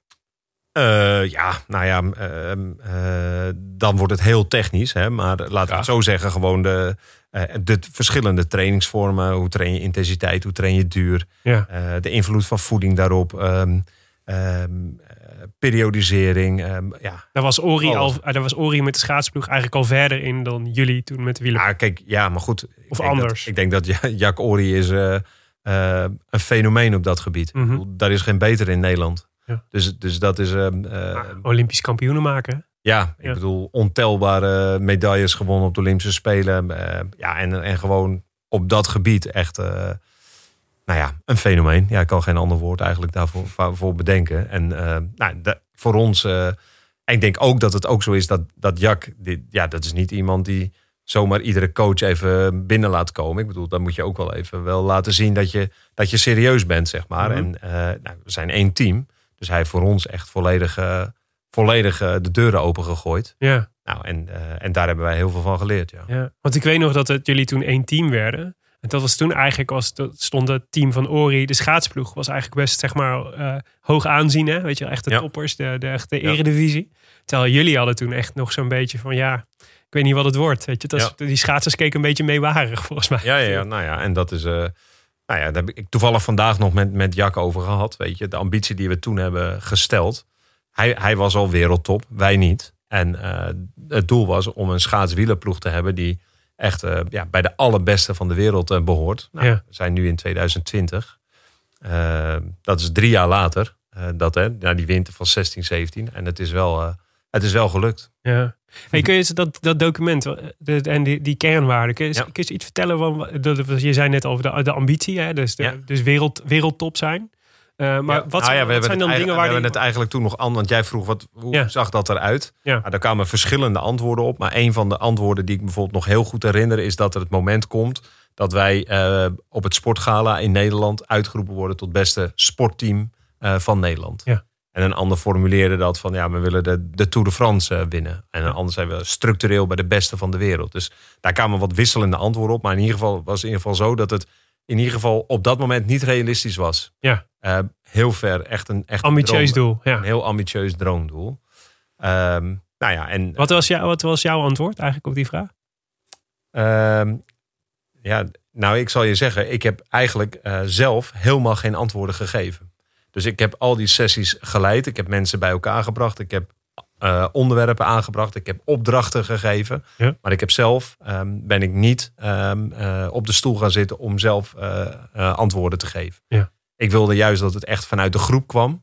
En ehm, ik heb de gesprekken eigenlijk ja, gefaciliteerd in feite. Ja. En ervoor gezorgd dat de goede punten eruit gehaald. En eigenlijk teruggegeven van ja, is dit wat jullie hebben gezegd? Is dit wat er bedoeld wordt? Mhm. En het dan steeds kleiner gemaakt. Hè? Want ik heb op mijn zolder heb ik nog steeds al die flip-overs eh, liggen. En al die bladen. Ah, ja? En dat zijn er, eh, Zo even andere tijden sport ooit. ja, er zijn hon- honderd mensen die daaraan hebben meegeschreven. Ehm, en, en steeds kleiner maken tot een document. Wat een A- één A4'tje is waar tien punten op staan. Ja. Dus kijk, dat is, eh, ja, daarvoor ehm, ja, gaat het vooral ook om dat je conceptueel blijft denken. Ja. Eh, en dat heb, ik, dat heb ik gedaan. Dus ik heb, ik heb zelf dat niet. eh, ik ben daar zelf niet in die discussie mee gaan doen. Ik heb eigenlijk er vooral voor gewaakt en gezorgd dat iedereen mee bleef praten. Ja. Hey, en die, en die, noem eens, noem eens eh, zo'n punt van die tien punten. Eh, nou ja, onder andere bijvoorbeeld dat wij een innovatieve ploeg zijn en dat we elke dag bezig zijn om beter te worden en, en aan het zoeken zijn waar we nog beter kunnen worden. Mhm. Eh, dat we durf tonen, dat we lef tonen. Ja. Dat we familiariteit voor ons belangrijk is. Mhm. Dat, Wat, betekent, wat, wat bedoel je daarmee? Nou, daar, ehm, wat ik daarmee bedoel is dat we voor elkaar zorgen, dat we aandacht voor elkaar hebben, dat je Ja. je verdiept in, eh, ja, wat is dit voor persoon? Eh, eh, hoe ziet zijn familie eruit? Heeft hij kinderen, ja of nee? Of Ja. heeft zij kinderen, ja of nee? Eh, Ah, zo. ja, dus Ja. Dat, ehm, dat het verder gaat dan alleen maar, nou, jij bent mechanicien en dat is het, of jij bent renner en dat is het. Maar dat daar aandacht is voor elkaar. En ook bijvoorbeeld dat renners ook aandacht hebben voor de mensen achter een verzorger of een mechanicien. Dat het ook dat Ja. die interesse ook vanuit hen moet komen richting die groep. Ja. En misschien zelfs dat je renners daarop selecteert. Op dat soort, dat ze die interesse hebben ook voor anderen. Nou ja, goed, in, in eh, selecteren, dat, dat zou wel heel ver gaan. Maar in ieder geval, we zoeken wel naar, naar renners die in dit totaalplaatje wel passen. En Ja. die zich wel heel goed beseffen. Maar ik denk ook wel dat als een renner bij ons binnenkomt... Ik bedoel, we, hebben we proberen ook heel veel zaken te organiseren. Een fietsdag voor de staf, waar ook, ook de renners zijn uitgerood. Aan het einde van het jaar hebben wij altijd een... eh, een, echt een, een, een hele grote afsluiting. Waarbij we ook ehm, alle mensen in het zonnetje zetten. Waarbij mensen bedankt, bedankt worden voor een inzet dit jaar. We hebben een partnerdag. Waarin eh, de partners van al onze werknemers in het zonnetje worden gezet. Dus eigenlijk in de Zo acties die die we waarde doen- levend te maken. Ja. hoeveel, hoeveel mensen werken er momenteel bij, eh, bij de fiets? fiets ja, ik denk bij de fiets ja, dus momenteel 130. En ik denk eh, het team eh, van eh, onze schaatsploeg. Met, met nu ook onze marathonploeg en het development team. Dus denk ik rond de 40. Dus Ja, dat gaat zomaar richting 100, 170, 180 man in totaal. Ja, Echt een flink bedrijf, hè? ja zeker. Hey, en want je, je, je, je noemde net van we zijn dus dat plan gaan maken eigenlijk ehm, eh, in een periode waarin we eigenlijk anderhalf jaar zekerheid hadden. Hè, dus anderhalf jaar sponsor. Met de gedachte, we gaan, dat, we gaan nu hoe dan ook gewoon een plan maken voor de komende jaren. Ja. Eh, dan is het wel heel lekker dat Jumbo eh, aanklopt en zegt wij, hebben er wel, wij willen wel de komende jaren sponsoren. Maar ze hebben alleen niet aangeklopt. Dus als ze dat hadden gedaan, was het wel lekker geweest. Ja. Jullie Maar, hebben ehm, aangeklopt. ehm, nee, jij, ja, liep, goed. jij liep in de supermarkt. Nou ja, dat is, ik denk, ehm, ehm, ja, precies. Ik, ik zei het vroeg aan de, aan de cashier of ze me van meneer Van geven. Eh, nee, Eerst nog bij de Albert Heijn geprobeerd of eh, je dacht gelijk naar Jumbo moet hebben? nee, meteen Jumbo uiteraard. Ja, Bonuskaart verbrand. ja precies. Nee, ehm, ehm, eh, kijk, Jumbo is, is natuurlijk vanaf het begin erbij eh, eh, al bij, bij dit project. Ja. En toen nog wat kleiner en wat meer op de achtergrond. Ehm, alleen, ehm, ja, wat, wat ehm, ehm, eigenlijk gedurende het proces eh, gebeurde, toen we eigenlijk dit eh, in, in die winter van 2016 en 2017 hebben zij zich ook nadrukkelijk geroerd van jongens, dit is, eh, ehm, ja, we kunnen hier wat van maken, maar laten we nou eens even goed rond de tafel gaan van hoe, hoe gaan we hier nou wat van maken? Wat is daar nou voor nodig? Welke veranderingen zijn er nodig? We, we hebben de, de tijd van rouw misschien wel gehad. Ja. Het is geen Rabobank meer. Eh, het is nu een nieuwe tijd. En Robert van der Wallen heeft daar een hele belangrijke rol Van de in brand loyalty. Ja, Ja. dat is nu ook nog ons RVC-lid Tom van Veen. De CFO van Jumbo. Ook een RVC-lid. Ehm, nou, en Wat is Richard dat? en? RVC, de Oh, Raad van Commissarissen. Weet je wat, ik ben voor dag en nacht media. Ja, ja, precies. En ehm, nou ja, dat is ehm, met Richard, met Jack. ehm, en toen zijn we echt eh, nou ja, dingen gaan uittekenen. En, ehm, nou en dan is Jumbo wel gewoon een bedrijf van ondernemen nu. Laat maar zien. En we hebben ons een klein duwtje gegeven toen. En, eh, en we gaan ermee aan de slag. Nou, dat, eh, dat zijn we gaan doen uiteraard. En ehm, nou, in 2017 ehm, eh, was toen de, de, de Giro, waar, waar Steven uiteindelijk ziek uitviel, maar waar Jos van Emden wel de tijd het won. Toen is, is meneer Van Eert, de founder van Jumbo, is twee weken met... het sowieso al schitterend dat je hem gewoon consequent meneer... Jullie hebben allemaal een consequent meneer van Eert nu. Ja, ja, ja, ja zeker. doet zeker. Heel erg, Iedereen in de heel erg een meneer Philips vibe. Nou, maar het is echt een, een, een geweldige man. Ja, Ehm, en, meneer. ehm, hij, eh, eh, onze commercieel manager Sander Kruis, die, is, eh, die, is, ehm, eh, die heeft dat heel goed gedaan. Die is twee weken met hem meegeweest, was met een paar vrienden erbij. Richard heeft toen iedere avond eigenlijk met hem kunnen spreken. En eigenlijk wat hij toen zag, hij is toen echt in de ploeg geweest. Dus eh, hij, eh, normaal eh, zie je ook als een sponsors komen een paar dagen gaan ze naar een duur restaurant en zo. Maar dat Ja. wilde hij allemaal niet. Nee, hij zei nee, ik wil gewoon bij de staf aan tafel. En eh, ehm, eh, ik wil gewoon zien hoe dit team functioneert. Het is, ik wil een onderdeel ervan zijn. Nou, en ehm, hij heeft twee weken lang bij de verzorgers, bij de mechaniciëns, bij de renners. En hij heeft het gewoon van dichtbij allemaal kunnen volgen. Ehm, en hij zag gewoon van ja, weet je, eh, we zijn er nu nog niet. Maar ja, er zijn andere ploegen die hebben, hebben ook veel meer middelen. Ja. Maar het plan is hier wel. En de manier van werken is hier wel. En de passie is hier nu wel. En dat was ook natuurlijk wel echt de kickstart van ons team in 2017. Ja. En eigenlijk was, ehm, was hij toen al overtuigd van ja, maar hier, hier gaan we wat van maken. En toen in 2017 is Tom van Veen, die was erbij dat Primos in Briançon won eh, de etappe. Ja, goed, weet je, eh, toen won Dylan eh, een week later op de Champs-Élysées. Ehm, ja, toen werd wel duidelijk van oké, wacht even, nu, dit team zit nu op het, op het We hebben juiste iets. spoor. Ja. En, en toen bleek dat we ook gewoon veel talent in onze ploeg hadden, die in één keer ook veel meer waard werden. En toen was er wel actie nodig van, ja, weet je, eh, nu moet er wel een, een sponsor komen die wel wat meer lucht aan dit team gaat geven. Want Ja, zijn ze- Roglic blijft niet voor een paar duizend euro. ja, dan zijn ze weg. Nou, Ja. en, en dat is eigenlijk het moment geweest dat Jumbo in feite, ik, wat ik vaak zeg, zij zijn met ons meegegroeid. Wij zijn beter geworden. Daardoor kreeg de ploeg meer marktwaarde. En daar hadden we ook gewoon een hoger budget voor nodig. Ja. Maar dat is, wel een, eh, dat is wel een bijzonder moment. Want dat was dus in 2016. En eh, even kijken, Dylan Groenewegen won dus in 2017 op Champs-Élysées, toch? Ja. Maar dat was eh, in, vanuit een mediaperspectief, vanuit onze kijkers, was nog wel een tour waarin er behoorlijk veel misging van buitenaf gezien. Ja. Maar eigenlijk waren bij jullie stonden alle pijlen wel op groen op dat moment. Ja, maar goed, dat was. Dat was ehm, kijk, ik heb me nooit voorgenomen om achteraf me gelijk te halen. Dat ga je nu wel doen of niet? Als je wil, dan is dit wel het moment. Dit is wel het moment. kijk, Zeker op eh, Tim ook. Tim is heel negatief geweest al die tijd. Nee, ja, maar. ehm, eh, eh, nou ja, weet je, eh, de winnaar heeft altijd gelijk. Hij heeft de, hij heeft de sprintetappe op de Champs-Élysées gewonnen. Alleen ehm, één, Dylan dat was het tweede jaar in de World Tour.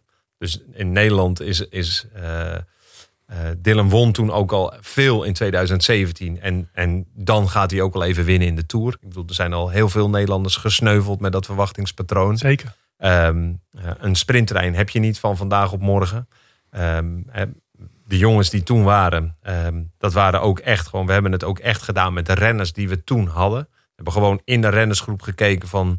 Nou, we gaan een sprinttrein maken, maar we kunnen niet Siebergen aantrekken of eh Kloegen of weet ik wat. Nee, we gaan gewoon kijken wat hebben we nu. Ja. Daar zijn we mee naar de, eh, naar de Tour gaan. Dus dat is Dat was eigenlijk- natuurlijk ook wel iets waar jij lekker verstand van had. Hoe je goede ja, sprintruim ja, maar ik wist ook, ja, dat heeft gewoon heel veel tijd nodig. Dat gaat niet zomaar. En zeker niet in de Tour de France. En ehm, ja, weet je, ehm, ehm, er, er ging zeker veel mis. Alleen, ehm, je kunt niet even een sprinttrein bij elkaar kopen. Eén, we konden al niet kopen.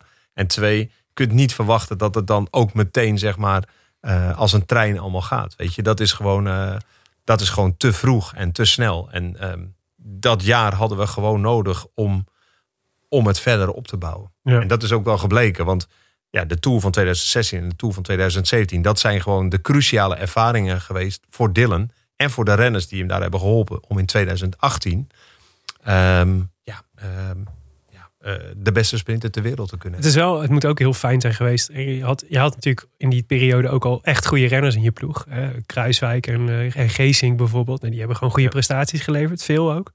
Eh, maar het is wel lekker als je dan Roglic en Groenewegen hebt. Die gewoon ook eh, voor handjes in de lucht zorgen. Om Ja. Richard Plugger maar te citeren. Ja, ja, nee, Dat helpt natuurlijk ook met het, eh, met ja, het, ja. Met het zeg maar, gelijk krijgen uiteindelijk. Absoluut. Ja. En, Hoe, eh, dat was, en dat was destijds bij... eh, toen ik met, bij, met Skill Shimano met, met, met, eh, met Kittel kwam. Ja, die, die begon te winnen. Ja. En ehm, ja, dan... ehm, eh, ehm, Dan wordt alles lichter. Ja. Dan wordt alles lichter en dan gaat de rest ook Ja. mee. En dan dat trekt ook aan. Ja, weet je, uiteindelijk ehm, is dat natuurlijk wel eh, in sport. Je kunt als ploeg nog alles zo goed doen en zo goed programma hebben. Maar je hebt ook eh, de renners eh, nodig die uiteindelijk ook echt het potentieel hebben om dat te gaan doen. Is er ook veel geïnvesteerd in de scouting dan? Of ja. waren dit eh, gewoon nog toevalstreffers uit, uit voorgaande jaren? Of eh, hoe werkt dat? Nou ja, kijk, weet je, eh, ik- Primos is niet uit een ingewikkeld scoutingssysteem eh, Het voortgekomen. is gewoon een mazzeltje. En, en, en Dylan ook niet. Hè, want Dylan die, die reed bij Roompot en die, eh, die won Veenendaal en die won ehm, eh, Brussel Cycling Classic. En ehm, nou ja, weet je, ehm, eh, ja, dus natuurlijk was die goed genoeg voor ons. En, en Primos was wel, die hebben we wel, eh, daar kregen we een tip. Die hebben we wel uitgebreid eh, gesproken, uitgebreid getest. Dus daar konden we wel zien van, oh, wacht even, maar dit is wel eh, fysiologisch gezien wel echt eh, heel interessant. Ja. Eh, dus, dus ja, op dat vlak eh, ehm, was het wel ehm, natuurlijk heel waardevol. Maar Weet je nog dat je hem voor het, dat je hem voor het eerst eh, zeker. zag? Ja, ja, ja. Hij reed gelijk met Geesik omhoog, hoorde ik. Nou, ik, heb- ik, ik was ehm, eh, dus. Ja, moet ik het hele verhaal nog even. eh, Ik wil wel weten hoe Ik jij- ben ook wel benieuwd, ja. Hebt ontmoet. Ik Wil, heb je het hier wel over een potentiële Tour de France winnaar? Nou, ik heb hem hier in Amsterdam ontmoet. Echt? Eh, Waar? eh, op het, eh, nou, eerst op, nee, Mathieu heeft hem op Schiphol opgehaald en hij heeft hem toen naar het Olympiaplein gebracht, waar we hem bij, eh, waar we hem getest hebben bij Ja. Melvin Kantenbeen. Ehm, en daar, daar heb Dat is ik in het Olympisch ontmoet. Stadion.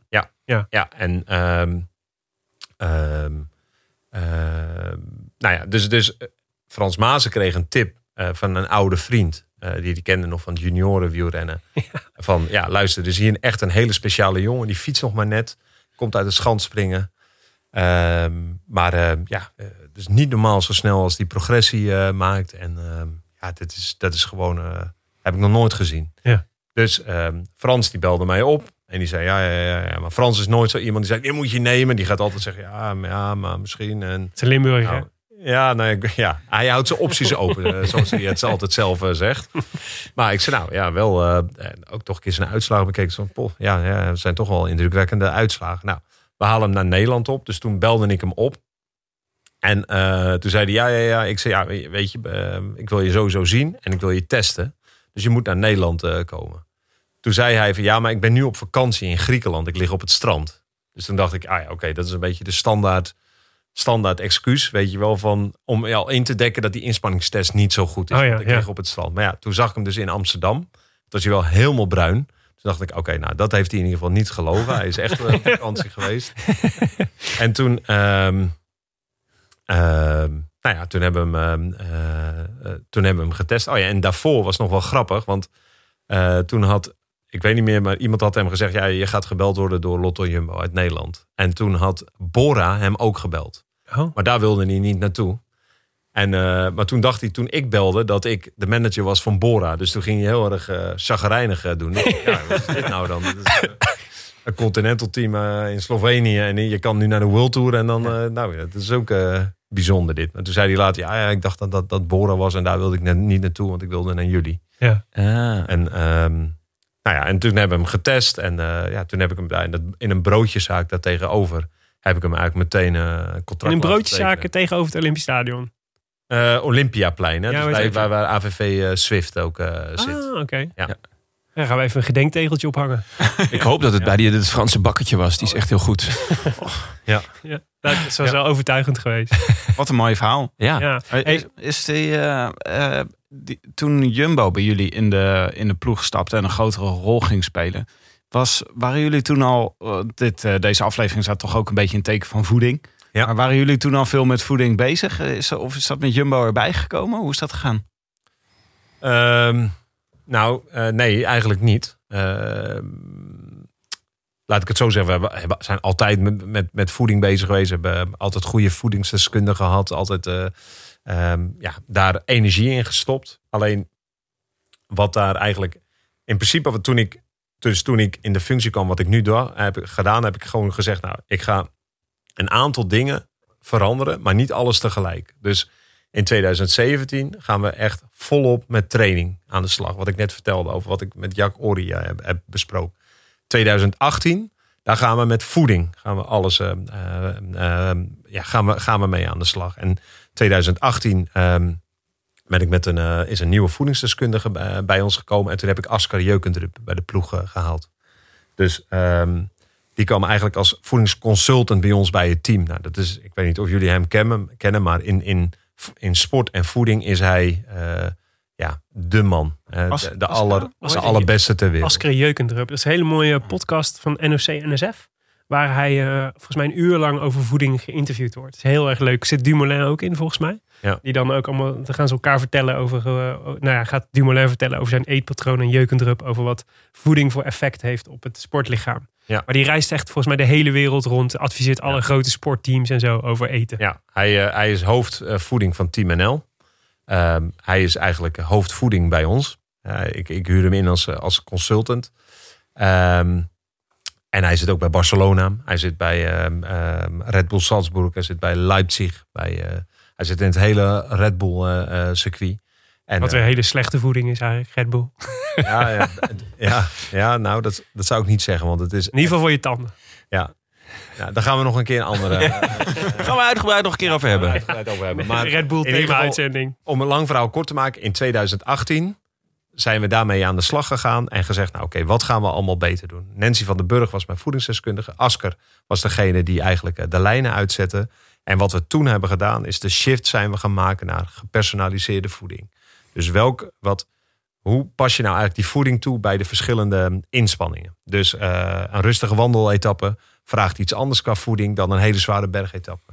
In voorbereiding vraagt de voeding weer wat anders dan op de wedstrijddagen. Ehm, en, eh, dan heb je nog eens een keer Steven Kruiswijk en Dylan Groenewegen in één ploeg. Eh, twee totaal verschillende profielen. De ene echte klimmer, de andere sprinter. En eh, vanaf toen zijn wij echt heel erg gepersonaliseerd naar voeding aan gaan kijken. Maar dat was super arbeidsintensief. Want Nancy moest eigenlijk samen met Asker het van dag tot dag uitrekenen. Dus een verwachting, hoe gaat de dag eruit zien? Een terugkoppeling na afloop van de etappe. En dan vervolgens bellen met de kok. Ja, nu moet je dit, nu moet je dat, dan moet je dat erbij doen. En dan moet je zus, dan moet je zo. Nou, zo ging dag in dag uit, ging dat dan eigenlijk. Maar dan in het trainingsproces kun je dat niet volhouden. Je kunt dat ook niet voor alle renners in een ploeg eh, eh, doen. Dus we kwamen eigenlijk tot de conclusie van ja, dit, dit is een soort van doodlopende weg. Want dit, dit kan nu alleen op die hele specifieke momenten. Ja, je kunt niet er- schalen. Nee, we kunnen niet opschalen en, en ehm, ja, dit is niet vol te houden. En toen kwam ik in de, eh, in, na de zomer kwam ik Robert-Jan Koens tegen van, eh, van Jumbo. En die was bezig met een, met een app, de Foodcoach app. En ehm, die liet eigenlijk het, het idee zien waar hij mee was begonnen. Het was echt nog een achterkamertje in het Jumbo hoofdkantoor eigenlijk. Hè. Hij is echt een super creatieve man. En ehm, ja, binnen Jumbo wist eigenlijk nauwelijks nog echt iemand wat hij nou eigenlijk allemaal aan het doen was. Die rare gast daarachter. Nou ja, wel een, wel een beetje. Hij stond wel op de loonlijst, toch? Zeker, zeker, zeker. Oké, nee, en een hele gewaardeerde kracht. Alleen, hij- ja, daar was hij ook voor aangenomen om met nieuwe ideeën te komen. Maar ja, daar wist echt nog binnen het bedrijf niemand waar het uiteindelijk naartoe ging.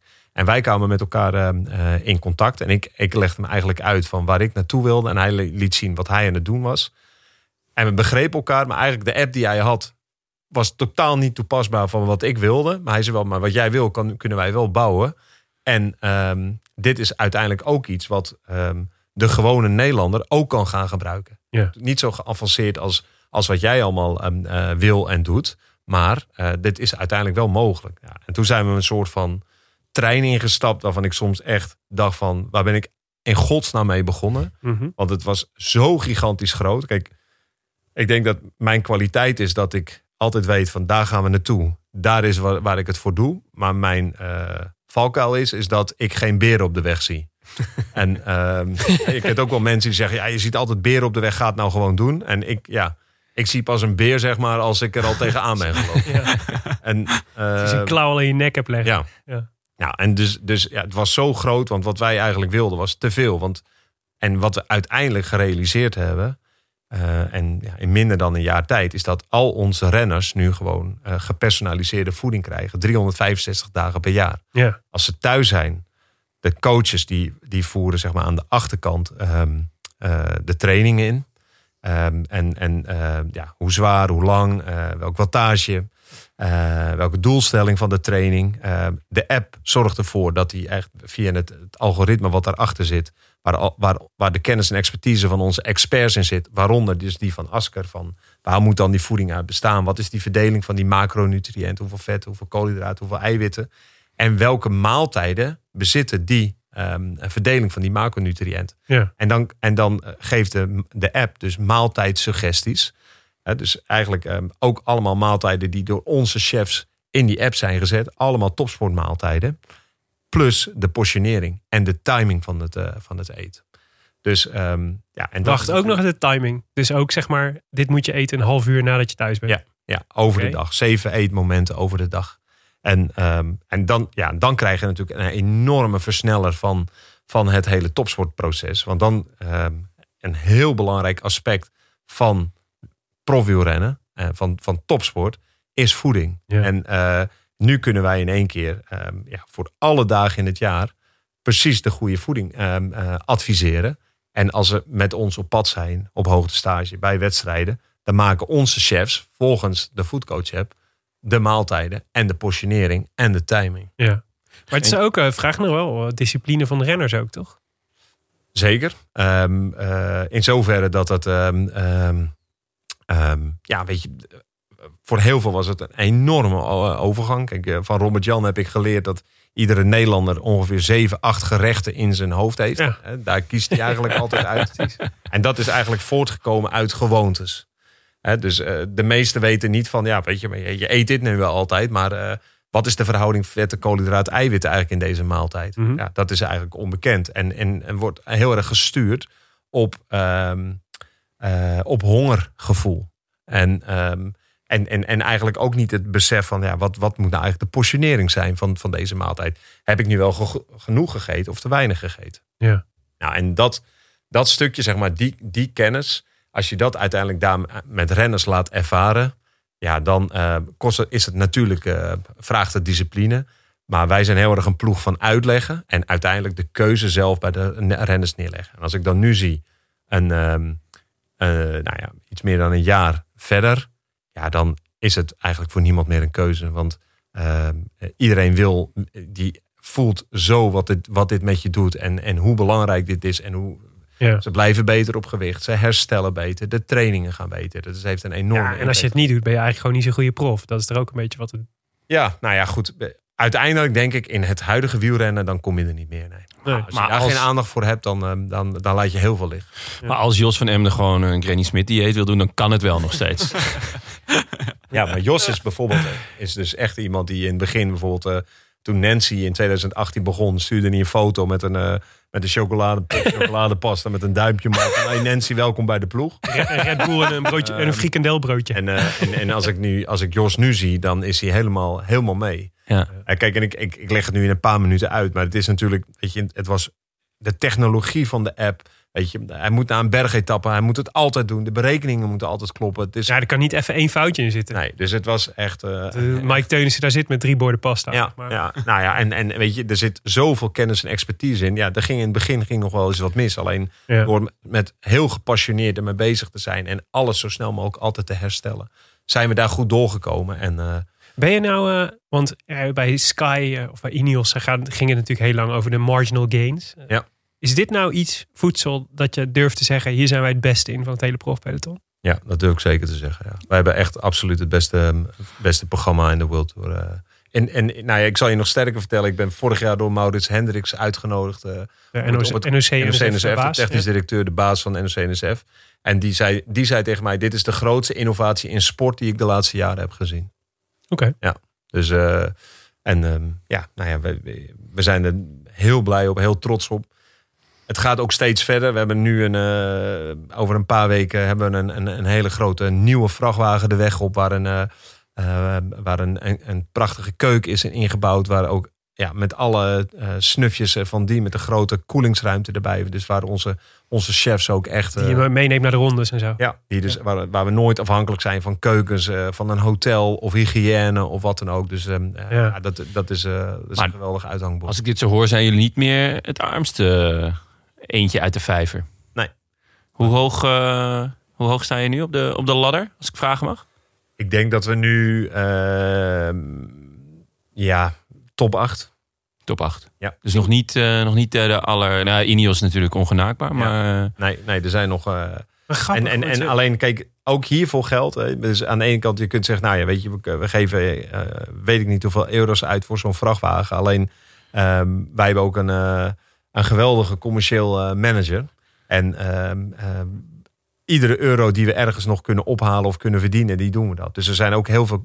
Het is niet zo dat je altijd miljoenen nodig hebt om faciliteiten te kunnen genereren. Als je, als je creatief bent, dan is er heel veel mogelijk. En eh, dit is een, een project wat wij samen met Jumbo doen. Morgen gaat, eh, eh, gaat deze Foodcoach app gewoon voor de, voor de gewone eh, Nederlander is die beschikbaar. Ehm, en eh, nou ja, weet je, Ook voor jou, jongen. Zo. Nee, maar het is. eh, als, ik, als, ik, als ik nu gewoon naar. Ik heb veel vrienden die zijn allemaal. eh, ja, die vinden wielrennen hartstikke leuk. Die kijken het op tv, maar eh, die fietsen zelf ook veel. Ja, weet je, dit is.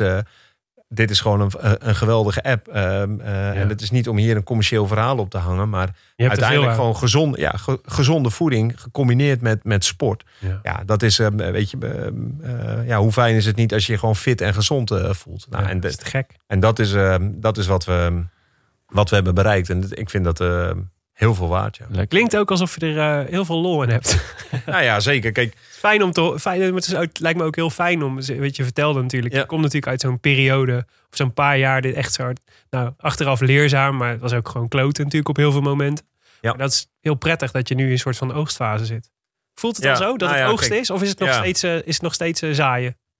Nou ja, het, het is zeker oogsten. Want vorig jaar was het oogsten. Alleen ik probeer altijd in de zaaimodus te blijven. Ja. Dus de foodcoach app is, een, is, is, is ploegen, is eh, sleuren, is trekken, is eh, frustraties. ehm, maar uiteindelijk, als je daar je energie op richt, dan, dan, ehm, dan gaat er iets goeds ontstaan. Dus dan, dat is richten op het proces. En dan uiteindelijk komen de resultaten wel. Ja. En ik, ik probeer me iedere dag altijd voor te nemen van... oké, wat ga ik vandaag bijdragen aan het proces? Ik kan me heel erg nerveus maken of, het, eh, of de Tour de France goed gaat lopen, ja of nee.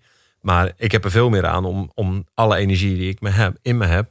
me te richten op het proces. Ja. En altijd als ik een dag achter de rug heb waarvan ik denk van... ja, ik heb vandaag weer ergens iets gedaan wat het geheel beter maakt... dan geeft mij dat altijd veel energie. Het is ook. eh, het is, eh, het is ook. ehm, eh, ik- eh, het voelt ook een beetje alsof je, volgens mij in jouw, ehm, eh, jullie verhaal over de doelen voor, van, eh, van Jumbo-Visma. Er kwam volgens mij ook heel vaak, we willen de Tour winnen. Ja. Dat is, soort, eh, dat soort, dat, is dat eigenlijk de, dat is de eerste volgende mijlpaal, toch? Waar je voor staat eigenlijk. Zeker. De Tour de France winnen. Ja. Ehm, nou, Als Nederlandse ploeg eh, de Tour de France winnen, ja, dat, eh, dan, dan eh, haal je de geschiedenisboekjes. Hè? Ja, en je bent er klaar voor. Want je hebt drie kopmannen die het zouden kunnen. Dus dat, is, dat is een luxe. Dat hebben we ook al jaren niet gehad natuurlijk. Ja. Eh, nog steeds wel veel uitdagers en moeilijke omstandigheden. Ik heb toch ook altijd het gevoel dat... eh, dat er, dat is eigenlijk een andere, andere ambitie die, uit- die al uitgesproken was.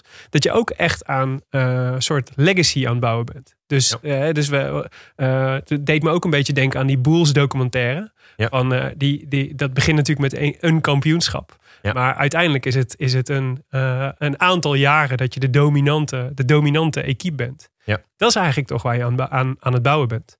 Gewoon de, de, Ja. de topploeg voor de komende jaren. De ploeg waar je, het, het is zeg maar de, de, nieuwe, de, eh, de nieuwe ploeg waar iedereen naar kijkt. Ja. Het nieuwe Ineos, om het zo maar eens te zeggen. Ja, nou ja, dat, dat is wel ehm, eh, de ambitie van dit team, zeker. Hè? Dus ehm, ehm, uiteindelijk, het grootste wat je, wat je kunt bereiken is het winnen van de Tour in het wielrennen. Dat is, dat is de grootste prijs. En ehm, ehm, nou, ik las vandaag dat Bernal zei, uiteindelijk wint altijd de beste renner, wint de Tour de France. Mhm. Dus nou, dat is een, een hele grote korte termijn eh, doelstelling. De lange termijn doelstelling, doelstelling is dat wij met elkaar ehm, iets gaan opbouwen wat, eh, wat jarenlang eigenlijk een, een hele belangrijke rol gaat vertolken in de Nederlandse sport. En dat er generaties worden opgeleid. Eh, jongetjes eh, en meisjes die wij nu eh, stimuleren om op de fiets te gaan zitten met, via ons Academy project. Uiteindelijk in een talentontwikkellijn doorstromen via een development team. En ooit hopelijk mooie dingen kunnen bereiken op World Tour niveau. Ja. En een bijdrage leveren aan de Nederlandse sport. En ehm, eh, ja, dat, dat is iets wat, eh, ehm, ja, wa- waar wij allemaal heel blij en allemaal heel, heel gemotiveerd voor zijn om dat, om dat te doen. Met heel veel bij, bijprojecten die daarbij komen. Coaches die worden opgeleid. eh, mensen die, die talentvol zijn, die een kans krijgen in onze, Ja. in onze organisatie. Ehm, en, en, en op structurele basis bij de beste in de wereld horen. En ehm, uiteindelijk ook nooit vergeten eh, waar het in het World Tour team om draait. En dat is gewoon iedere dag iets zoeken waar je beter van kan worden. Om uiteindelijk de grote prijzen te winnen. Ja. En, ehm, en daar hebben we er natuurlijk nog niet veel van gewonnen. Hè? Dus we hebben nu de Vuelta gewonnen. We hebben ehm, mooie eenweekse World Tour eh, koersen gewonnen. Maar we hebben nog geen eh, mooie klassieken gewonnen. De Giro, de Tour. Ja. Dus ehm, er is nog heel veel te winnen. Ja. En, ehm, Het kan allemaal in de komende vier maanden.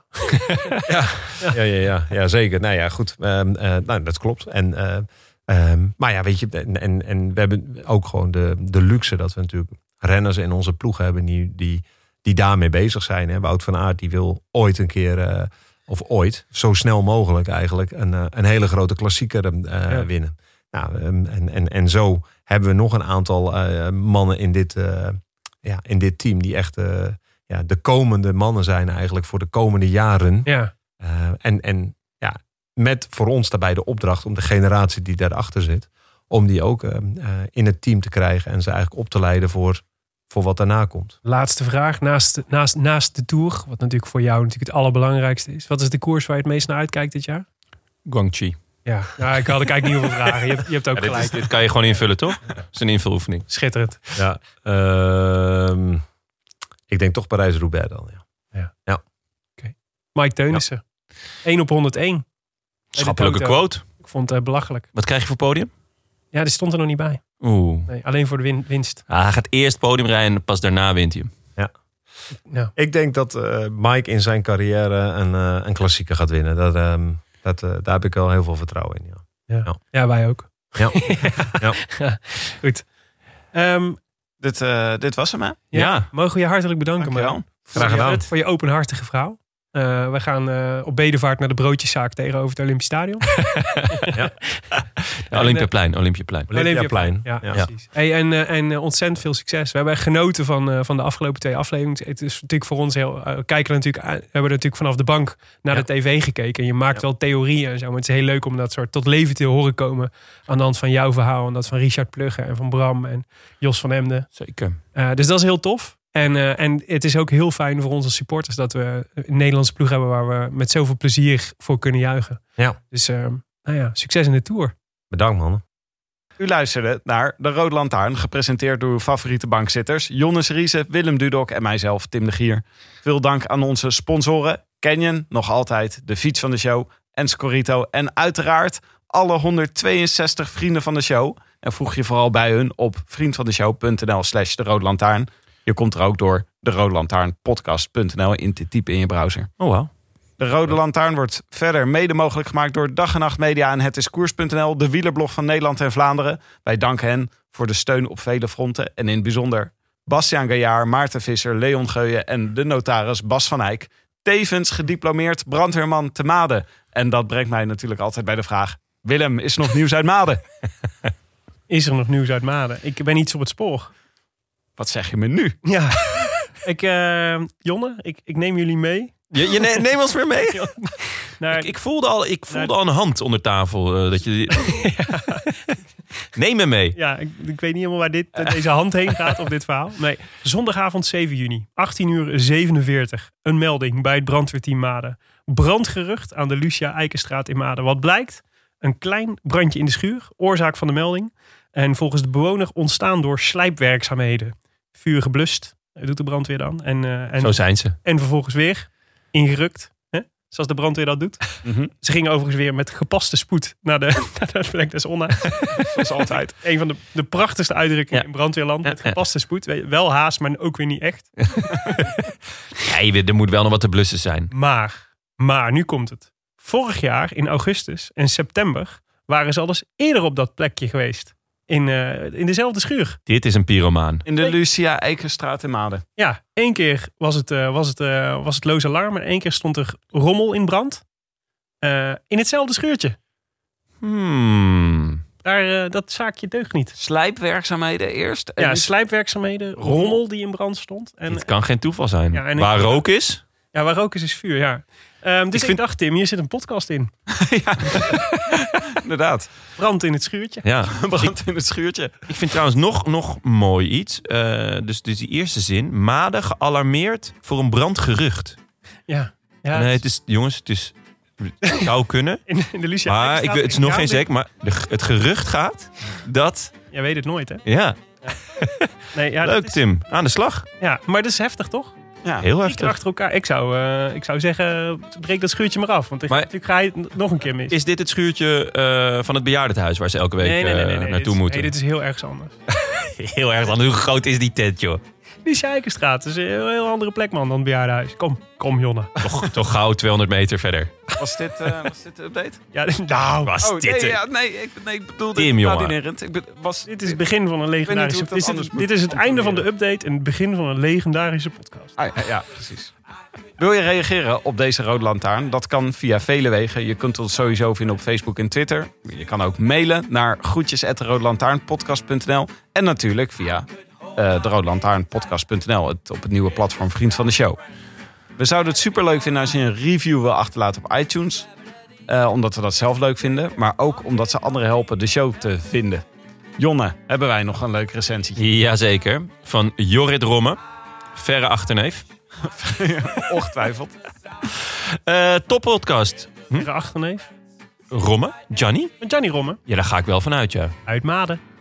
Oh, nee. Gaan we dit weer krijgen? Zeker uit, zeker uit dat schuurtje waar je het net over had. Eh, En zo is wel de meer in de richting, ja. Het is wel hetzelfde stadsdeel. stadsdeel.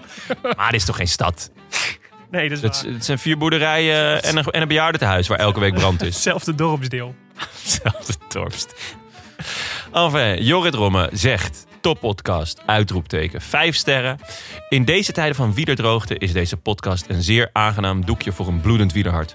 Een oase van BJ Lindeman in de Vuelta van 2016-achtige proporties in een verder uitgestorven wielerlandschap. Goede dosis humor, fijne gasten, gesprekken waar je eigenlijk het liefst zelf aan zou willen meedoen. Gepaste spoed. En een licht neerbuigende toon richting hulpverleners als de brandweer. Inderdaad, ik neem al mijn applaus terug van de afgelopen maanden. Heel verfrissend in deze tijden. Keep up the good work. Groetjes, Jorrit Romme. Zo, Jorrit, dankjewel. Goed, we zijn er binnenkort weer met een special met een van onze favoriete vrouwen op de fiets. Floortje Makai. Heel benieuwd. Ja.